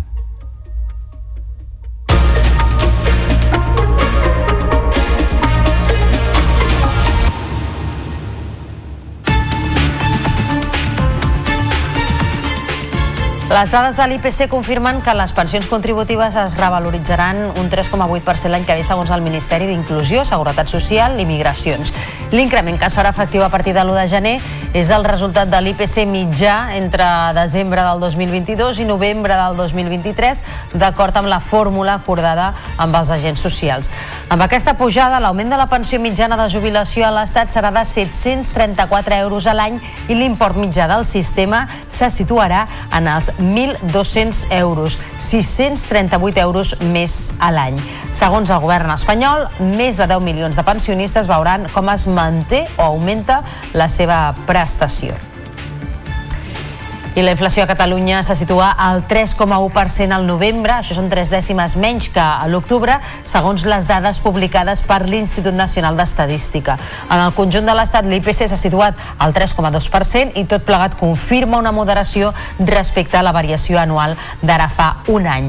Els aliments són encara un 8,4% més cars que fa un any, mentre que el transport va augmentar en un 1,1%. Els preus en els vestits pugen un 2,3%, mentre que en el lloguer d'habitatges es mantenen en un 1,8%. I d'altra banda destaca el descens del 17,8% de l'electricitat, el gas i altres combustibles i una inflació, com acabem de veure, que es nota especialment en els productes d'alimentació i que encara es notarà més quan s'acabi i es recullin les dades de l'IPC del mes de desembre. Perquè de cara a festes, ja ho sabem, pugen encara més aquests preus. Ho saben també i ho analitzen cada any des de l'Organització de Consumidors que aquestes darreres setmanes ja han fet dos estudis sobre l'evolució d'aquests imports. Així han constatat que des de finals de novembre i fins al pont de la Puríssima els aliments s'han encarit un 4,3% de mitjana. Un increment, però, que es dispara en determinats productes típics dels àpats nadalencs. Ho ha analitzat fa pocs minuts aquí al Notícies en xarxa Esther Lorente, que és la delegada de l'OCU a Catalunya el que es dispara, i això ja ho sabem una mica, són els, el peix i el marisc. Pensa que, per exemple, les cloïsses o els perceps o el lluç, fins i tot, han pujat més d'un 20% des de finals de, de novembre. No ens ha de sorprendre perquè cada any passa no? això d'aquestes pujades perquè són aliments que són molt típics de, de Nadal i hi ha molta demanda. Bueno, mm, aquest any, enguany, no ha estat pujant tant però això no vol dir que no estiguin cars. És a dir, eh, l'any passat van patir l'increment més greu de, de tota la història de, des de que ho tenim monitoritzat I a tot això, el Banc Central Europeu manté els tipus d'interès en el 4,5%, que és el nivell més alt des de principis del 2001. Segueix d'aquesta manera el camí de la Reserva Federal Nord-Americana, que aquesta setmana també ha anunciat que els manté sense canvis, en el seu cas, en el 5,5%. En el seu comunicat, el BCE evita obrir la porta amb futures baixades dels tipus d'interès. Reconeix, això sí, que la restricció de crèdit està frenant l'economia i de retruc els preus, però també també avisa que la inflació podria reactivar-se temporalment en els pròxims mesos.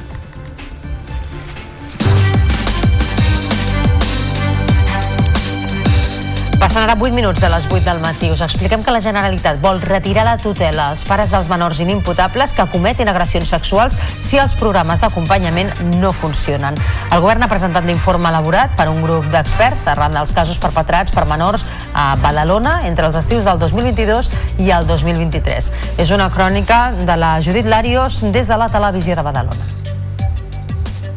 L'informe conclou que l'augment de denúncies, tot i que genera alarma social, no està lligat a una tendència a l'alça d'agressions sexuals dutes a terme per menors inimputables.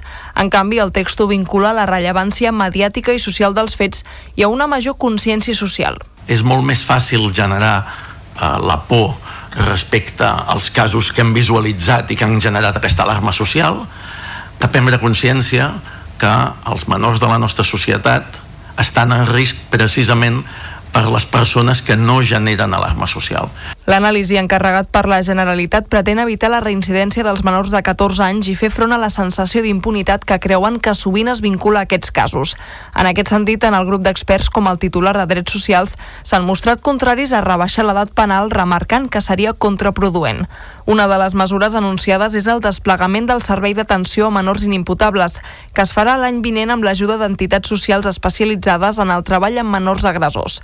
El programa posarà èmfasi en accions sobre responsabilitat i reparació del dany comès a les víctimes per part dels menors i les seves famílies. La nostra voluntat política és que en aquells casos en què els programes d'acompanyament a les famílies no funcionin, les famílies assumiran la seva responsabilitat i serà la Generalitat qui es farà càrrec de la tutela d'aquests menors. Davant l'alerta de l'informe sobre l'impacte de l'accés a la pornografia en els joves, el pla també inclou un estudi jurídic per posar límits a l'accés a aquests continguts. I encara parlant de violències sexuals, mig miler d'estudiants es van manifestar ahir pel centre de Barcelona per denunciar que el protocol contra l'assetjament sexual a les universitats no funciona. La coordinadora d'assemblees interuniversitària va convocar una vaga per donar resposta als casos de professors agressors a les aules. Segons els convocants, les víctimes no s'atreveixen a denunciar perquè no es garanteix el seu anonimat.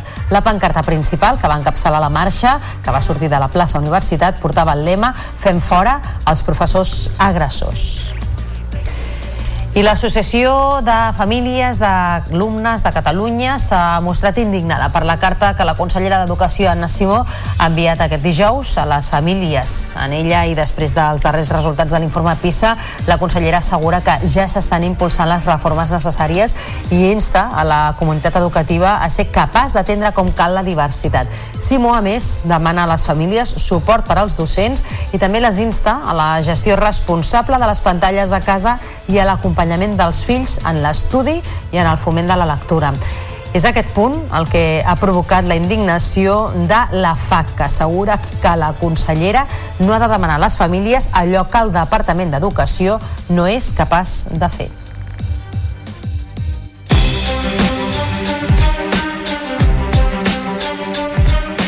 I en clau política des de la Moncloa han refredat la reunió que el secretari general de Junts, eh, Jordi Turull, ha assegurat que mantindran el president del govern espanyol, Pedro Sánchez, i l'expresident de la Generalitat, Carles Puigdemont.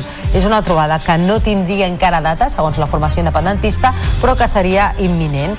I de la seva banda, el mateix eh, president Sánchez, preguntat en arribar a Brussel·les, s'ha limitat a dir que la reunió no figura a la seva agenda. Pues mire, yo eh, veo mi agenda y en mi agenda lo que tengo es una reunión con el presidente aragonés de la Generalitat, me parece que es el día 21, eh, como consecuencia de la visita que vamos a hacer a la inauguración del supercomputador en Barcelona. Els catalans aproven per primer cop, però per la mínima, el govern de Pere Aragonès ho certifica l'enquesta anual de satisfacció del Centre d'Estudis d'Opinió, en què també es puntua millor l'ensenyament concertat que el públic. Ens ho explica el Joan Ferrer. La gestió del govern durant el darrer any aprova amb un 5 pelat, la nota més alta del mandat del republicà Pere Aragonès, que havia suspès fins ara amb un 4,4. L'aprova un 62% dels encastats del CEO i el 35% el suspèn, mentre que si bé l'any passat només l'aprovaven els simpatitzants d'Esquerra, ara ho fan tots, excepte PP, Ciutadans i Vox. Malgrat tot, la nota més alta és d'un 5,9 dels simpatitzants republicans i la més baixa un 3,7 dels d'ultradreta. En l'enquesta, el govern espanyol suspèn amb un 4,5, mentre que la millor nota és per als governs municipals, un 5,5. El director del CEO, Jordi Muñoz, ha explicat que hi ha una tendència general que indica una millora de la valoració dels governs. Jo crec que n'hi ha una tendència general a, a la millora en la percepció del, de, de com era. Potser l'any passat es va fer, n'hi havia un context de valoració especialment negativa, no sé, això és més difícil de, de dir es va fer poc després del trencament del govern eh, bueno, no sé, potser era pot ser una cosa de, del context de l'any passat o pot ser una cosa del context d'aquest any. El baròmetre també reflexa una millor satisfacció dels catalans per l'escola concertada que rep un 7,7 de nota mentre que la pública es troba 6 dècimes per sota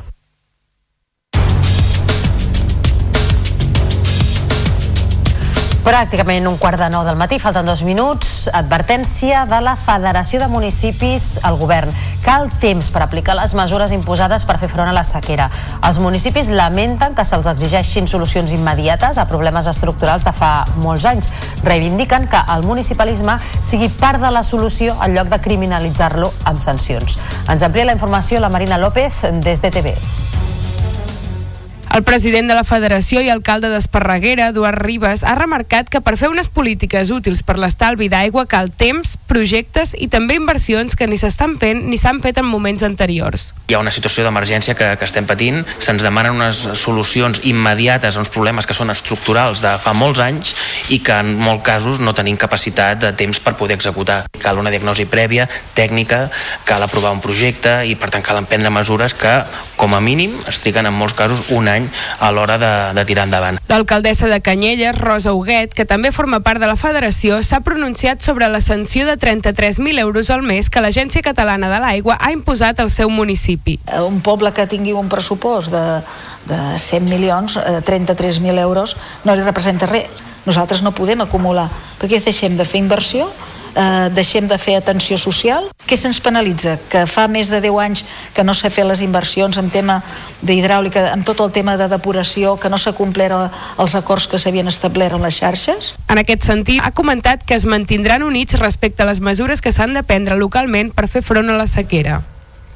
Doncs en aquest context, un altre dels ajuntaments sancionats, el de Lloret de Mar, ha presentat conjuntament amb la Mesa Empresarial de Turisme el pla de treball del municipi per fer una gestió sostenible de l'aigua que els permeti reduir-ne el consum.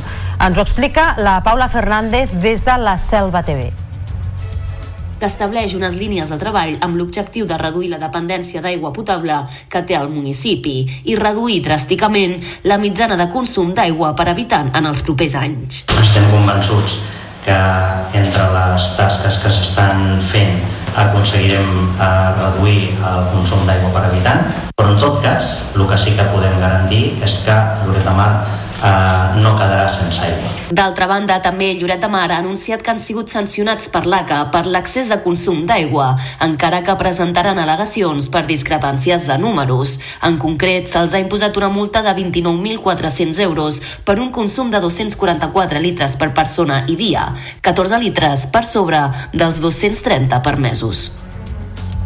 Nou retard en el trasllat de la presó de dones de Batràs de Barcelona, coincidint amb l'acte de commemoració dels 40 anys del centre.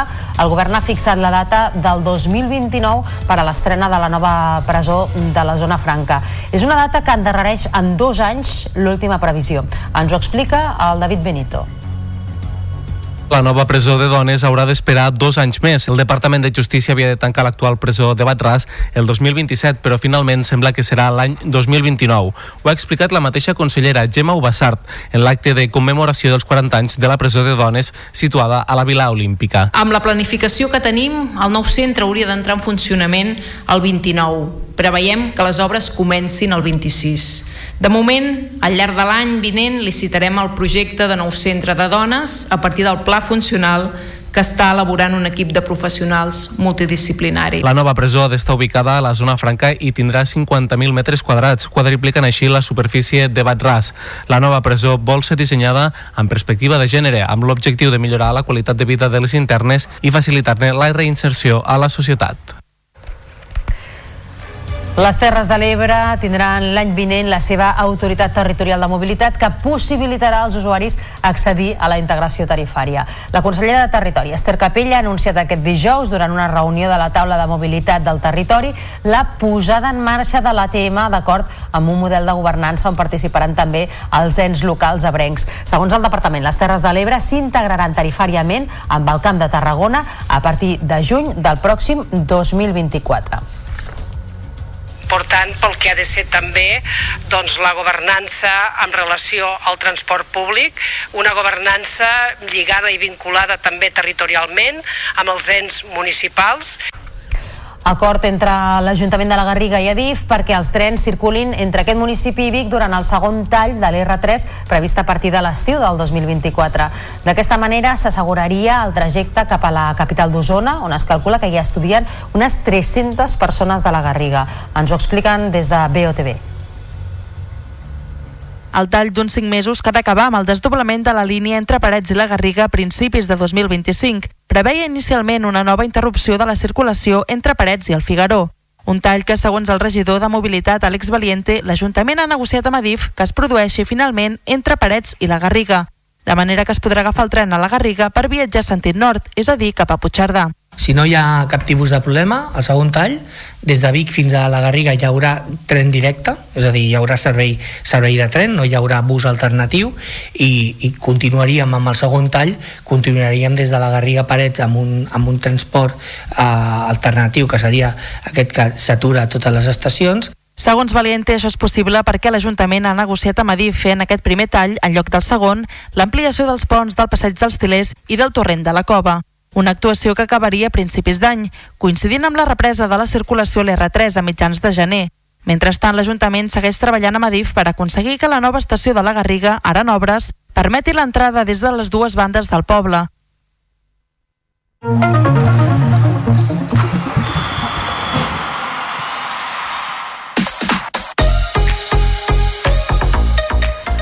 La segona jornada a la Lliga de Campions d'hoquei patins ens ha deixat les victòries del Barça i el Calafell.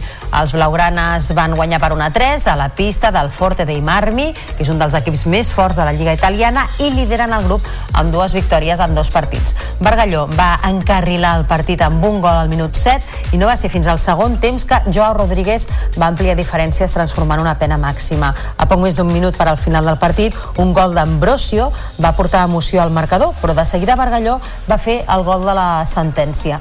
El jugador destacava la superioritat blaugrana i la importància de tancar l'any amb victòria.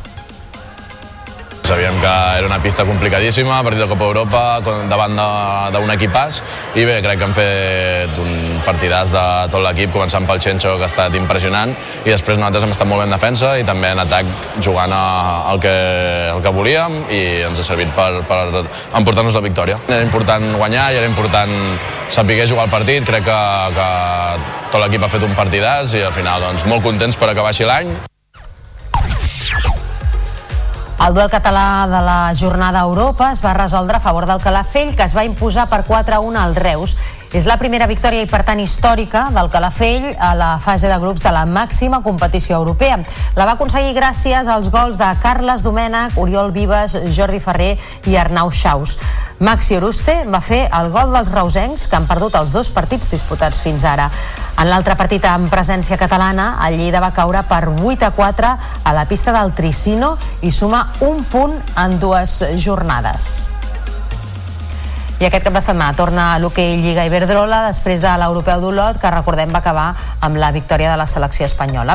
Un dels aspirants al títol, el Vilassana, juga demà a la tarda un duel de proximitat a la pista del Fraga. Ens apropa la prèvia des de Lleida Televisió, el Julen Andrés. Torna la Lliga pel Club Patí Vilassana Cooperativa d'Ibars després de l'aturada de seleccions on les dues jugadores de l'equip lleidatà, Anna Salvat i Victòria Porta, s'han proclamat campiones d'Europa, torna la competició de clubs. Aquest cap de setmana serà el primer partit amb totes les jugadores del primer equip incorporades. Crec que la Flor ens pot donar molt com a jugadora i com a jugadora d'equip i al final hem d'intentar adaptar-la el més ràpid possible per aquests dos partits i després ja intentar donar uns dies de descans i poder treballar pues, a l'inici d'any ja amb, amb uns objectius molt, molt clars i amb, adaptant l'equip al que volem. Abans, partit complicat per les del Pla, visiten la pista del cinquè classificat amb 15 punts, el Fraga, equip que es tornaran a trobar a la Champions. El maig es disputa aquest dissabte a dos quarts de vuit de la tarda a la pista del Fraga, després jornada entre setmana, les del Pla tancaran l'any davant de la seva afició, el dimecres 20 contra la Corunya. Barça de bàsquet rep aquesta nit l'EA7 Armani Milà en partit d'Eurolliga al Palau Blaugrana. L'equip de Roger Grimau vol refer-se de la derrota de dimecres contra el Baxi Manresa a la CB quan va trencar una ratxa de 13 victòries aquesta temporada com a local. El Barça és segon classificat del grup d'Eurolliga amb un balanç de 10 victòries i 3 derrotes. Això s'hi ve d'una setmana complicada amb 3 derrotes en els darrers 4 partits. I finalment es disputarà la Copa d'Espanya d'handbol. Serà aquest cap de setmana a Irún, després que la Sobal i la Federació Espanyola hagin resolt les seves diferències per qüestions de patrocini i operadors televisius. Demà, doncs, es jugaran les semifinals amb un duel català entre el Barça i el Granollers. L'altra plaça per la final de diumenge se la jugaran al Vidassó i al Logroño.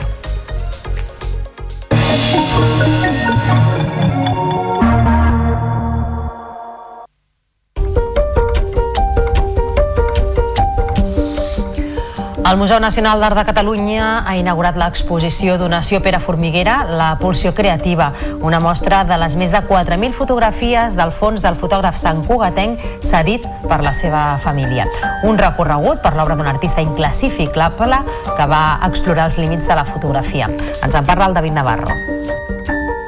Pere Formiguera va ser un artista polièdric, historiador de la fotografia, escriptor, comissari d'exposicions i, per sobre de tot, fotògraf. Mort l'any 2013, la seva família va dipositar el seu fons, format per fotografies, però també per la seva biblioteca, diapositives i fulls de contacte en el MANAC l'any 2016. En l'exposició, que es podrà visitar des d'aquest divendres i fins al 21 d'abril, es poden contemplar 9 de les 35 sèries de fotografia artística del fons, des de les més conegudes, com Cronos, fins d'altres amb molt valor artístic, com Pixis. La comissària de l'exposició, Roser Cambrai, ha destacat el perfil artístic de Formiguera. Podem parlar de que uh, Formiguera fa una fotografia completament lliure, amb una autonomia artística enorme, podem dir que no té por a provar coses noves, a fer prova i error, no? i això el permet avançar moltíssim i fa un tipus de fotografies molt diferents als que feia a la seva època. Fa un tipus de fotografies fins i tot que en podem dir pictòriques. No? Segons el museu, l'adquisició permetrà no només la divulgació de l'obra al museu, sinó també l'accés d'investigadors i la cessió a d'altres institucions museístiques. El festival Temporada Alta ha tancat l'edició d'enguany assolint un públic total de més de 63.000 espectadors, la millor xifra dels últims anys. D'aquesta manera, el festival ha arribat al 91% d'ocupació en les més de 170 funcions i activitats programades. Ens en fan balanç des de la televisió de Girona. Després de 32 edicions, el festival s'ha convertit en un dels principals agents del país pel que fa al suport a la creació. Enguany, 17 de les produccions i coproduccions han aconseguit una gira o temporada en teatres dins o fora del país. D'espectacles de sala sí que és l'any que hi ha hagut més gent que hi hagi assistit, 51.800 persones, i això fa una ocupació del 90,6%, i perquè us situeu una mica, han comprat espectacles de temporada alta des de 27 països diferents, entrades. El festival ha tingut un pressupost de 3.527.000 euros, essent el primer any que la partida més gran han estat les taquilles, amb un 26% del total d'ingressos, seguida dels sponsors i les empreses privades, i després les administracions. El Festival de Música Electrònica Tomorrowland mostra el seu univers creatiu en una experiència immersiva a Barcelona amb el nom de The Great Library of Tomorrow. Els assistents fan un recorregut d'una hora per un espai de més de 1.000 metres quadrats amb diverses instal·lacions d'art digital. La mostra se situa a l'interior d'una gran biblioteca. A partir d'aquesta es pot accedir als diversos universos que el festival ha creat per donar forma als mítics escenaris del certamen. I el Circ d'hivern de l'Ateneu Popular Nou Barris de Barcelona no falta la seva cita nadalenca i demà estrena Glatir. El muntatge fa un recorregut a través de diverses manifestacions folclòriques de Catalunya, el País Valencià i el País Basc, a través de tècniques com el trapezi Washington, la perxa xinesa, el verticalisme o l'acrodansa, es representen des d'una vessant visual manifestacions folclòriques com les falles valencianes, els capgrossos, la pujada del pal de maig o les processons. Que els ancestres sentin els tambors. Un, dos, tres, un, dos, tres, un, dos, tres, un, dos, tres, un, dos, tres, un, dos, tres, un, dos, tres, un, dos, tres, un, dos, tres, un, dos, tres, un, dos, tres, un, dos, tres, un, dos, tres, un, dos, tres. La xarxa de comunicació local. Regala experiències inoblidables i omple de música aquestes festes. Amb les idees que et donem a l'auditori, segur que l'encertes. Escull entre més de 100 concerts. N'hi ha per a tots els gustos i edats. Consulta totes les propostes a auditori.cat.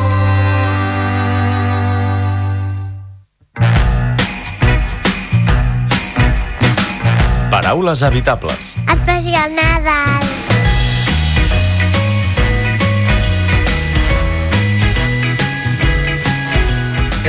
Irrupció d'això del Christmas amb el sentit de Nadal per a la música, sobretot eh, últimament per les cançons anglosaxones que ens arriben, que són Christmas, oi? Però també és cert que Christmas també té un sentit més històric en català que es feia servir quan encara s'enviaven postals de Nadal. Allò també era un Christmas, eh? El paper que enviaves a dintre d'un sobre, allò jo recordo a casa, eh? Enviar un Christmas. No hauria de tenir recorregut en català, perquè en català tenim la Nadala, que cobreix perfectament aquestes dues excepcions, la de postal, ja sigui impresa o sigui digital, que s'envia per felicitar el Nadal, i la de la cançó. I és curiós que nosaltres haguem agafat aquest Christmas així a seques quan en anglès no ho diuen així. En anglès Christmas és només el, el Nadal, de període de Nadal, i la cançó de Nadal és Christmas Carol. Nosaltres hem agafat aquest Christmas i ho fem anar per tot, no? Cristina Bofill i altres lingüistes repassen el català d'aquestes festes a l'especial de Nadal del Paraules Habitables, a la teva ràdio local i a la xarxa Més.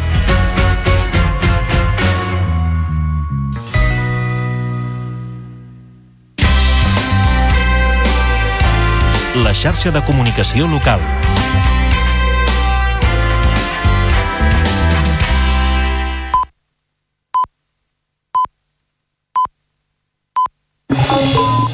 Notícies en xarxa, edició matí. Amb Taís Trujillo.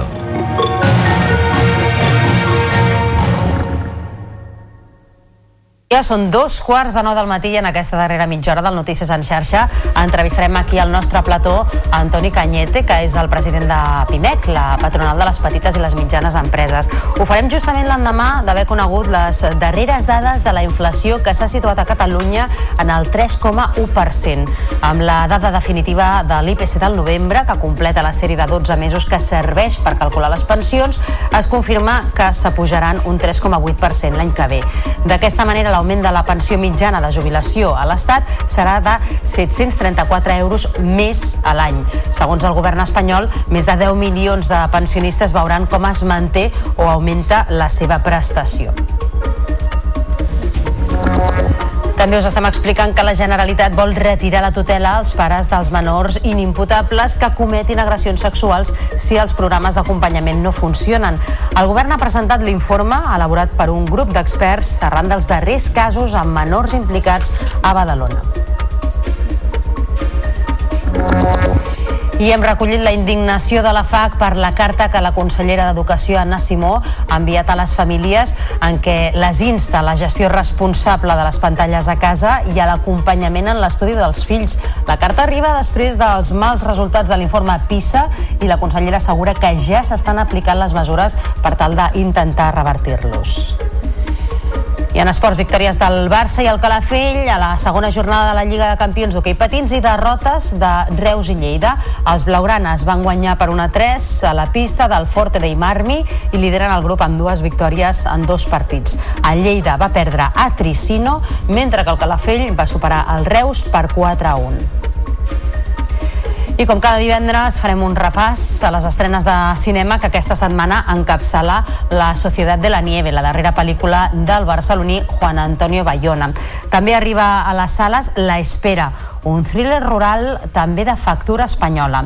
I per als aficionats al terror amb protagonistes assedegats de sang, s'estrena Blood de Brad Anderson.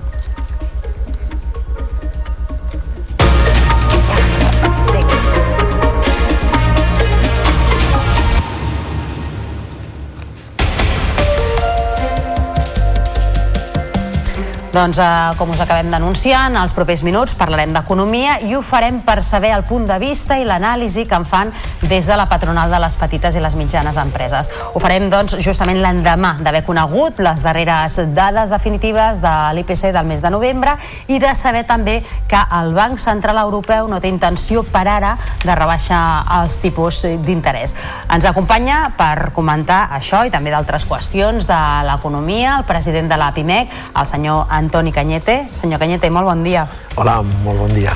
Un comentari general per començar, eh? Ara anirem perfilant eh, IPC, tipus d'interès i altres qüestions, però eh, en general diria que ara mateix estem en un context i en un moment complicat per l'activitat empresarial?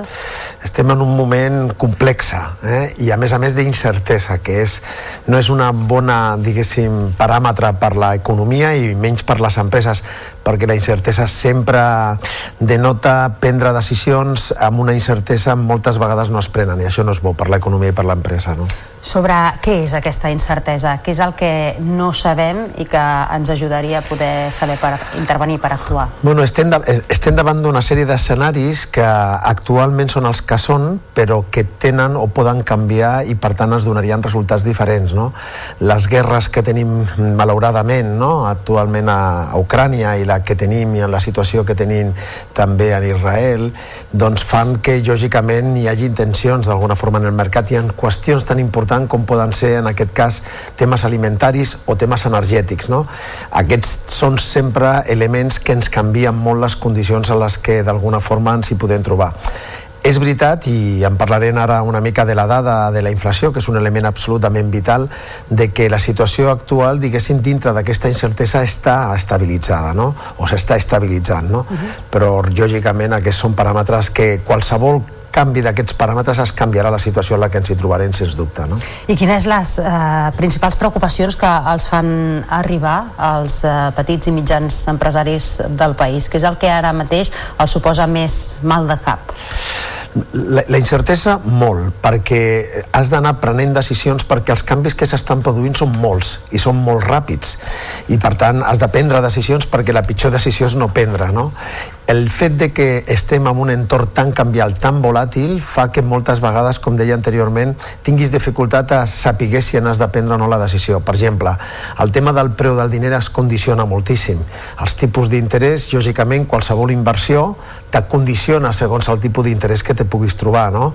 Per què? Perquè no és el mateix una inversió amb una producció i una amortització que que tu tinguis un determinat tipus d'interès. Una altra de les qüestions que es preocupa és el tema de les matèries primeres, no?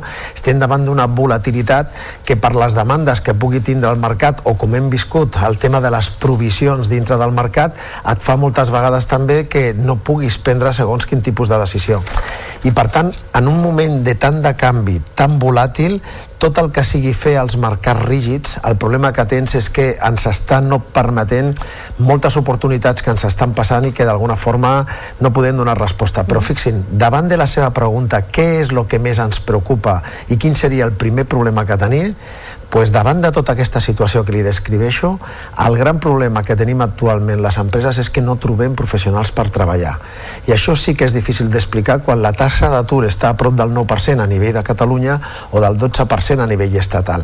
I aquí algú no n'estem fent bé, perquè en taxes d'atur com aquesta i tenint gent per poder treballar no trobar-la, doncs és un problema. No? I per què no la troben? No la troben perquè no hi ha gent formada en determinats eh, sectors? No la troben perquè la gent no vol acceptar segons quines condicions laborals? Quina és la, la problemàtica? És, és molt bona pregunta que penso que ens la hem de fer tot perquè la corresponsabilitat possiblement sigui de tots sigui possiblement d'administracions, de governs, de societat, en aquest cas de representants empresarials i sindicals, i per tant ens hem de preguntar. Però jo penso perquè eh, ens tindrien que fer una reflexió sobre com estem aplicant els nostres tipus de política.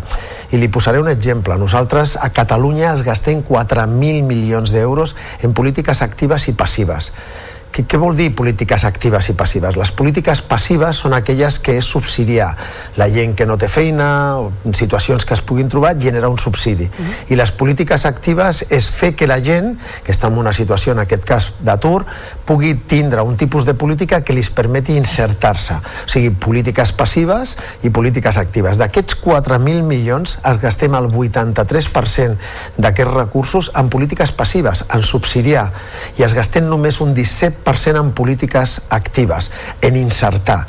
Ho diré d'una altra manera perquè ens, els que ens estan veient ho puguin entendre. Quan algú no pot menjar, li hem de posar un plat de menjar, li hem de posar un peix perquè mengi.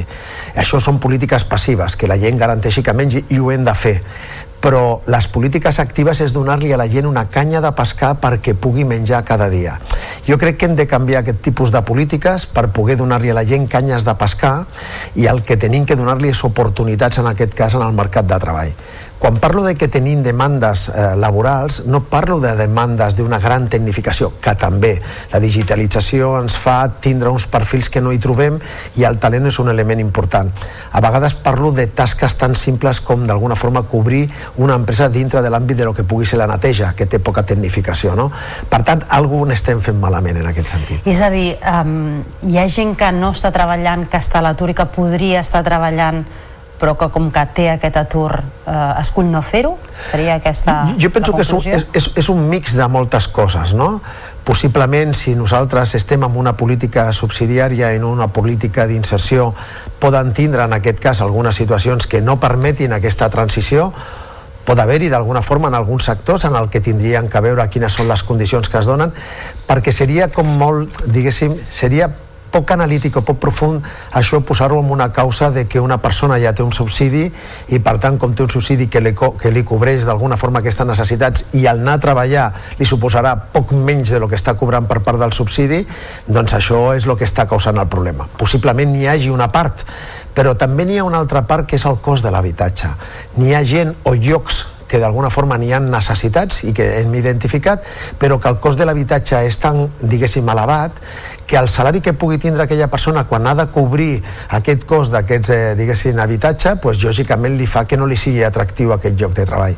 Per això estava dient que ens hem de corresponsabilitzar tots, en aquest cas administracions, governs, ciutadania, empresaris i també treballadors per poder veure quines són les causes perquè la política ha de ser de canyes de pescar, si no ens estarem equivocant. Uh -huh. uh, ara que parlava eh, del que costen els habitatges i també dels salaris de la gent que potser en determinats determinades circumstàncies o llocs no els poden pagar. Uh, està en marxa aquesta negociació per al salari mínim mhm. interprofessional. Hi ha una estira i arronsa. Aquesta vegada sembla que el govern està més a prop del que voldria la patronal que del que voldrien els uh, sindicats. Ara parlarem també dels, dels percentatges, però vostès uh, com ho veuen? Com hauria d'incrementar-se aquest salari mínim aquest 2024? Estan on està la COE exactament?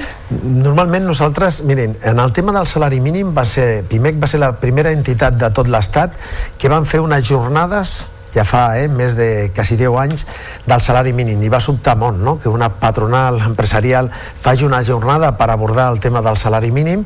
I ho van fer perquè penso que aquests debats socials i aquests debats en aquest cas en el context laboral ens hem d'enfrontar i ens hem d'enfrontar de cara. Igual que el que vam afrontar de que n'hi havia un excés de temporalitat i que també va sobtar. Som una mica disruptius eh, en aquest cas com a, com a entitat empresarial però aquelles jornades em van servir per marcar tota una sèrie de conceptes que penso que valdria la pena tindre en consideració i ara que s'està parlant de, també del, del nou salari mínim no?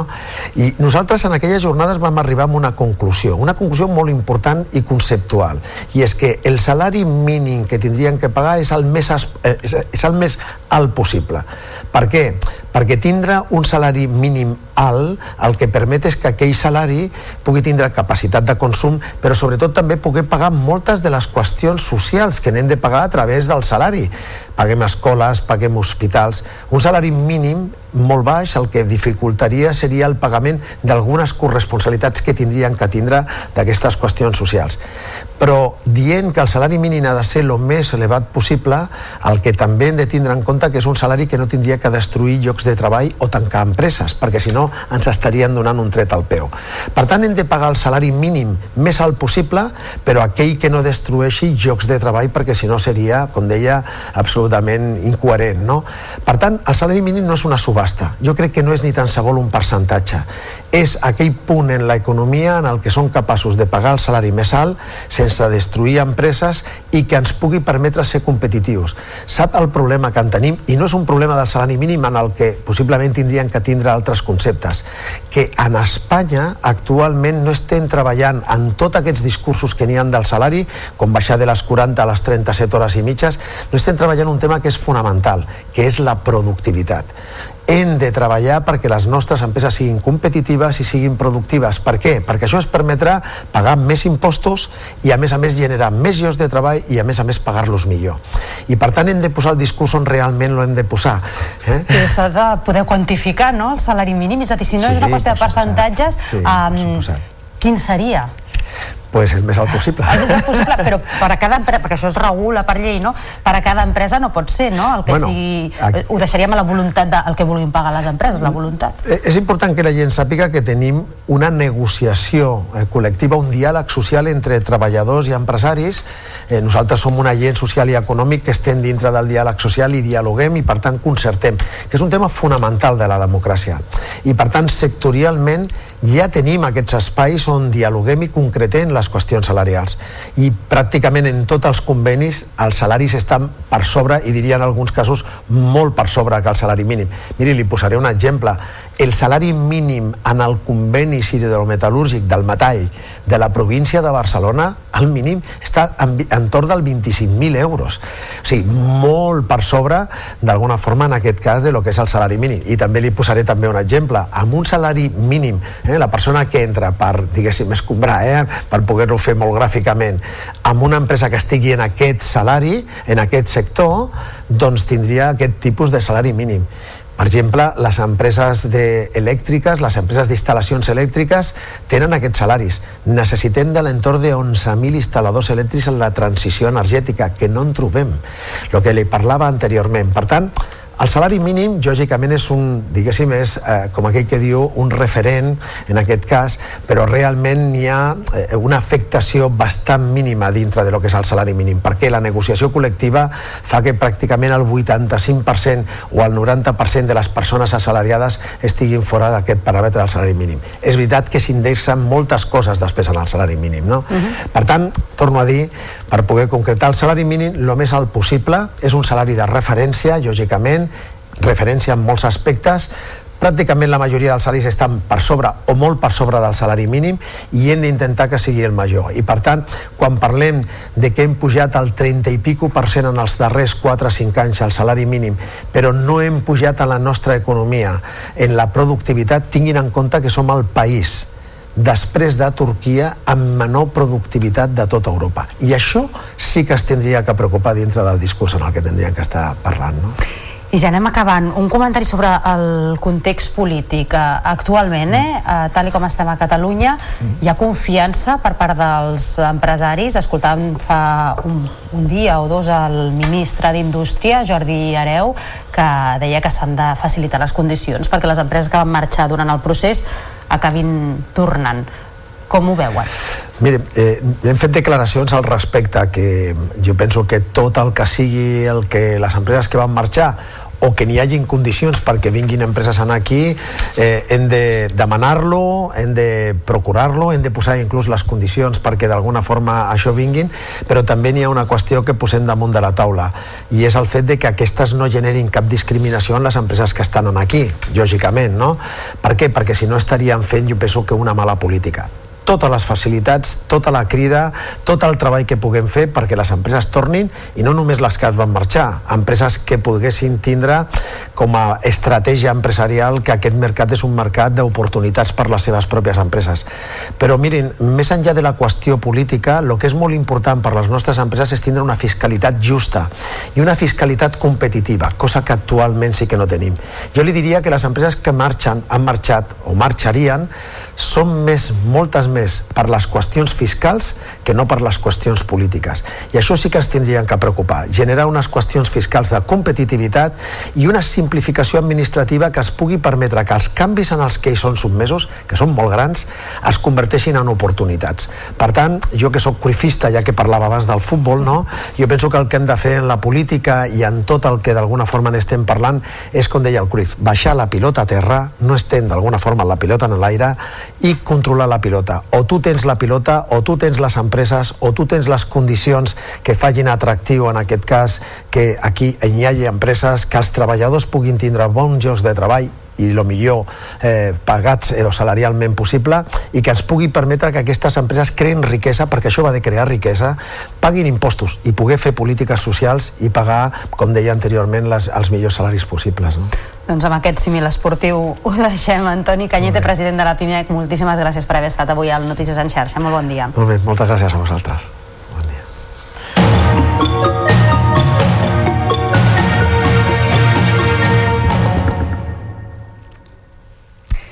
L'Associació de Federacions de Famílies d'Alumnes, la FAC, s'ha mostrat indignada per la carta que la consellera d'Educació, Anna Simó, ha enviat aquest dijous a les famílies. En aquesta, i després dels darrers resultats de l'informe PISA, la consellera assegura que ja s'estan impulsant les reformes necessàries i insta la comunitat educativa a ser capaç d'atendre com cal la diversitat.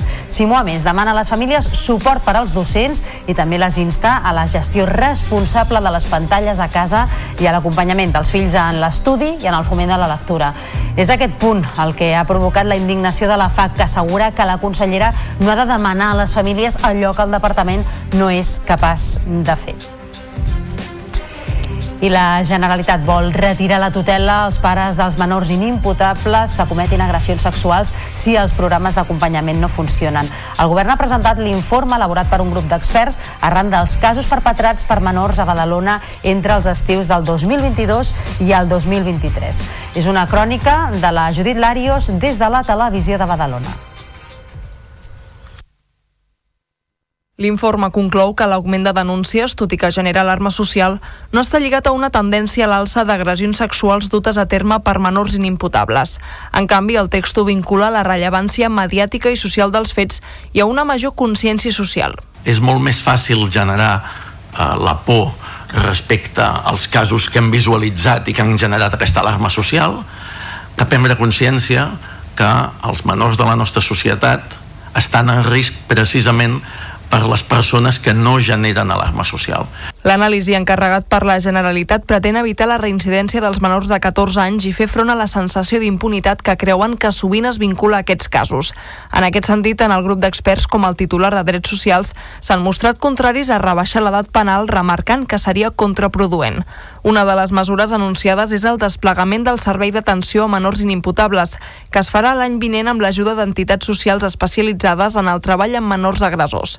El programa posarà èmfasi en accions sobre responsabilitat i reparació del dany comès a les víctimes per part dels menors i les seves famílies. La nostra voluntat política és que en aquells casos en què els programes d'acompanyament a les famílies no funcionin, les famílies assumiran la seva responsabilitat i serà la Generalitat qui es farà càrrec de la tutela d'aquests menors. Davant l'alerta de l'informe sobre l'impacte de l'accés a la pornografia en els joves, el pla també inclou un estudi jurídic per posar límits a l'accés a aquests continguts.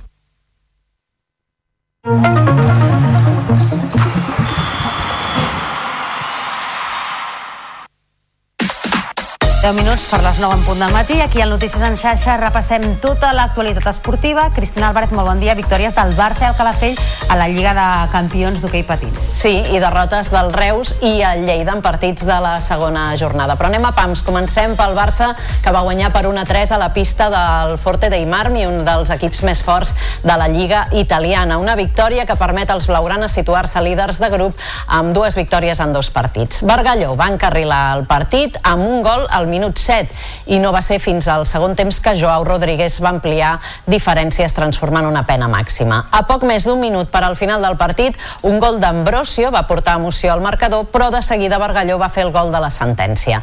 El jugador destacava la superioritat blaugrana i la importància de tancar l'any amb aquesta victòria.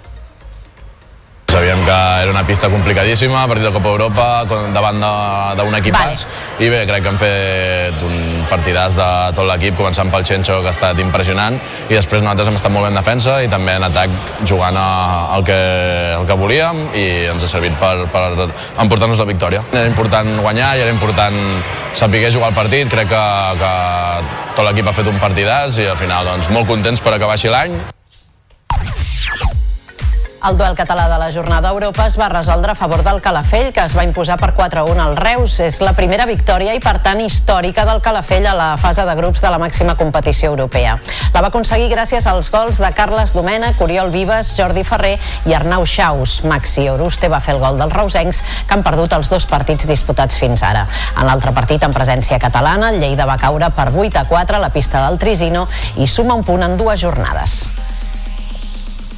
El Barça de bàsquet rep avui l'Armani Milà en partit de l'Eurolliga dos quarts de nou al Palau Blaugrana. L'equip de Roger Grimau necessita refer-se de la derrota de dimecres contra el Baxi Manresa a la CB, quan va trencar una ratxa de 13 victòries aquesta temporada com a local.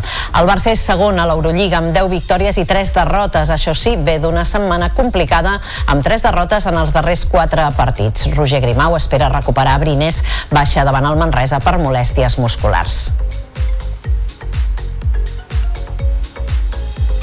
Finalment es disputarà la Copa d'Espanya d'handbol. Serà aquest cap de setmana a Irún després que la Sobal i la Federació Espanyola hagin resolt les seves diferències per qüestions de patrocini i operadors televisius. Demà, doncs, es jugaran les semifinals amb un duel català entre el Barça i el Granollers. L'altra plaça per la final de diumenge se la jugaran el Vidasoa i el Logroño.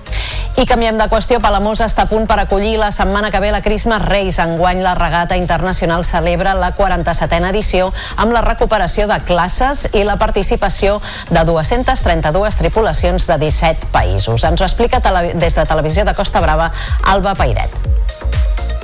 Aquesta vegada comptarà amb una important participació de regatistes estrangers, fins i tot de fora d'Europa, com d'Austràlia, Canadà i Mèxic. A més a més, competiran els actuals campions del món de la classe 420, els catalans del club Albalís, Pol Mateu i Alejandro Damacqua. També vindrà com a entrenador el medallista olímpic Andreas Geritzer. D'altra banda, la classe 29 tornarà a la Christmas Race i obrirà el prestigiós circuit Europe Cup 2024. En termes de sostenibilitat, la regata torna a apostar per cuidar el medi ambient i ho fa amb un seguit de mesures. Reducció del 100% de paper i comunicacions online del Race Management, que ja es fa des de fa anys. Fons d'aigua, Oficials i tots els equips porten bidons per omplir, no ampolles de plàstic, als pícnics. Amb els anys, el Club Nàutic Costa Brava Vela Palamós s'ha anat adaptant en el temps. La intenció del club és la d'obrir en un futur de nou la seu de la platja per a poder acollir més classes. Doncs la cita amb la vela la setmana que ve, de dilluns a divendres a Palamós. De moment en cap de setmana. Sí, amb molta Gràcies, competició. Vinga, Cristina. Adéu. que vagi bé. I com cada divendres acabem amb un repàs de les estrenes de cinema de la mà del nostre company David Navarro. Els deixem fins dilluns. Que descansin.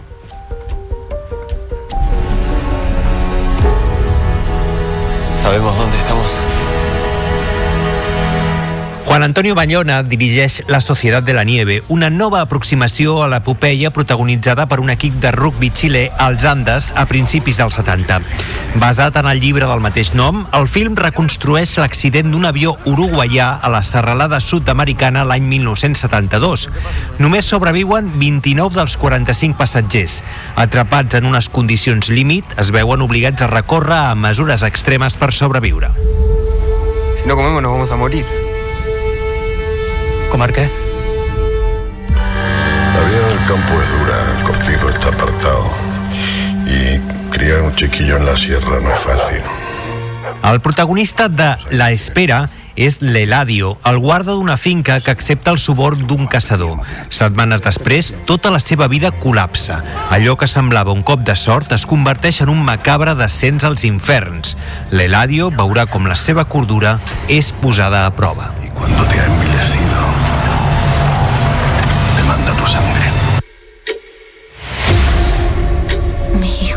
muy enfermo. Se le ha metido algo dentro. Blood, de Brad Anderson, arrenca quan la Jess, una infermera separada, es muda amb la seva filla i el seu fill petit Owen a una antiga granja de la família. Poc després d'instal·lar-s'hi, un gos mossega l'Owen. L'incident provoca al nen una malaltia misteriosa que el porta a dependre de la sang per sobreviure. Hay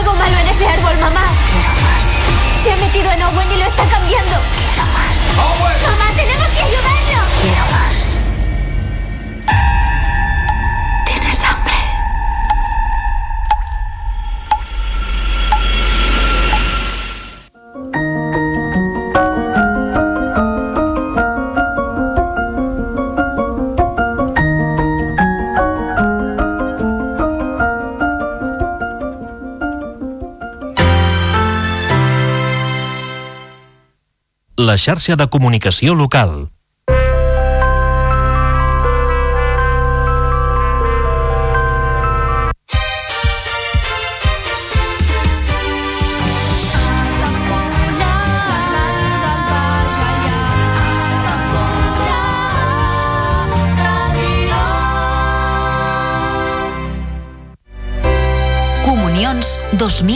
2024. Dates ja disponibles amb sales privades, jardí, pàrquing privat i la millor gastronomia. Més informació i reserves al 977 65 11 55 i a comercial arroba altafullamarotel.com o al web altafullamarotel.com. Les teves celebracions familiars a l'Altafulla Mar Hotel.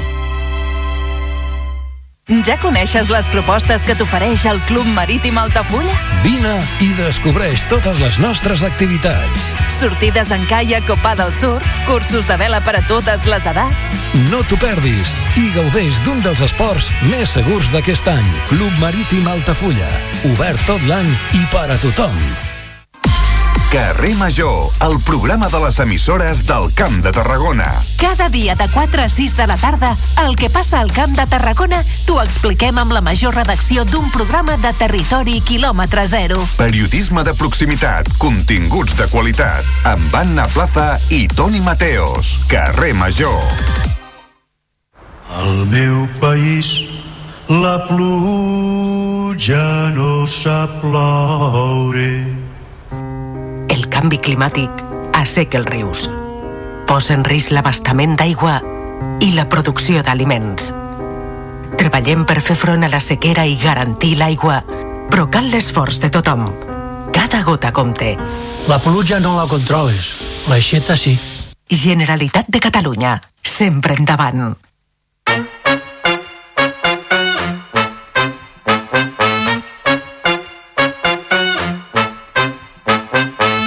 Que ets al meu costat, no em corre la pressa. Tu tranquil·la, jo només sé fer que tremolar. Les paraules se'n barregen, crec que no s'entenen. Però he de dir que tinc molt clar subjecte i predicat. Planificant la tàctica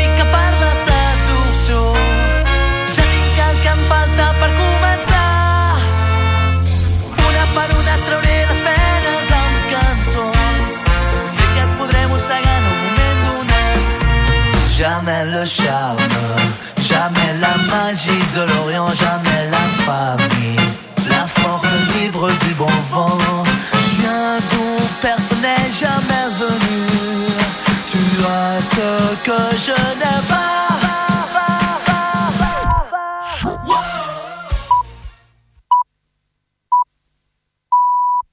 Són les 9 del matí.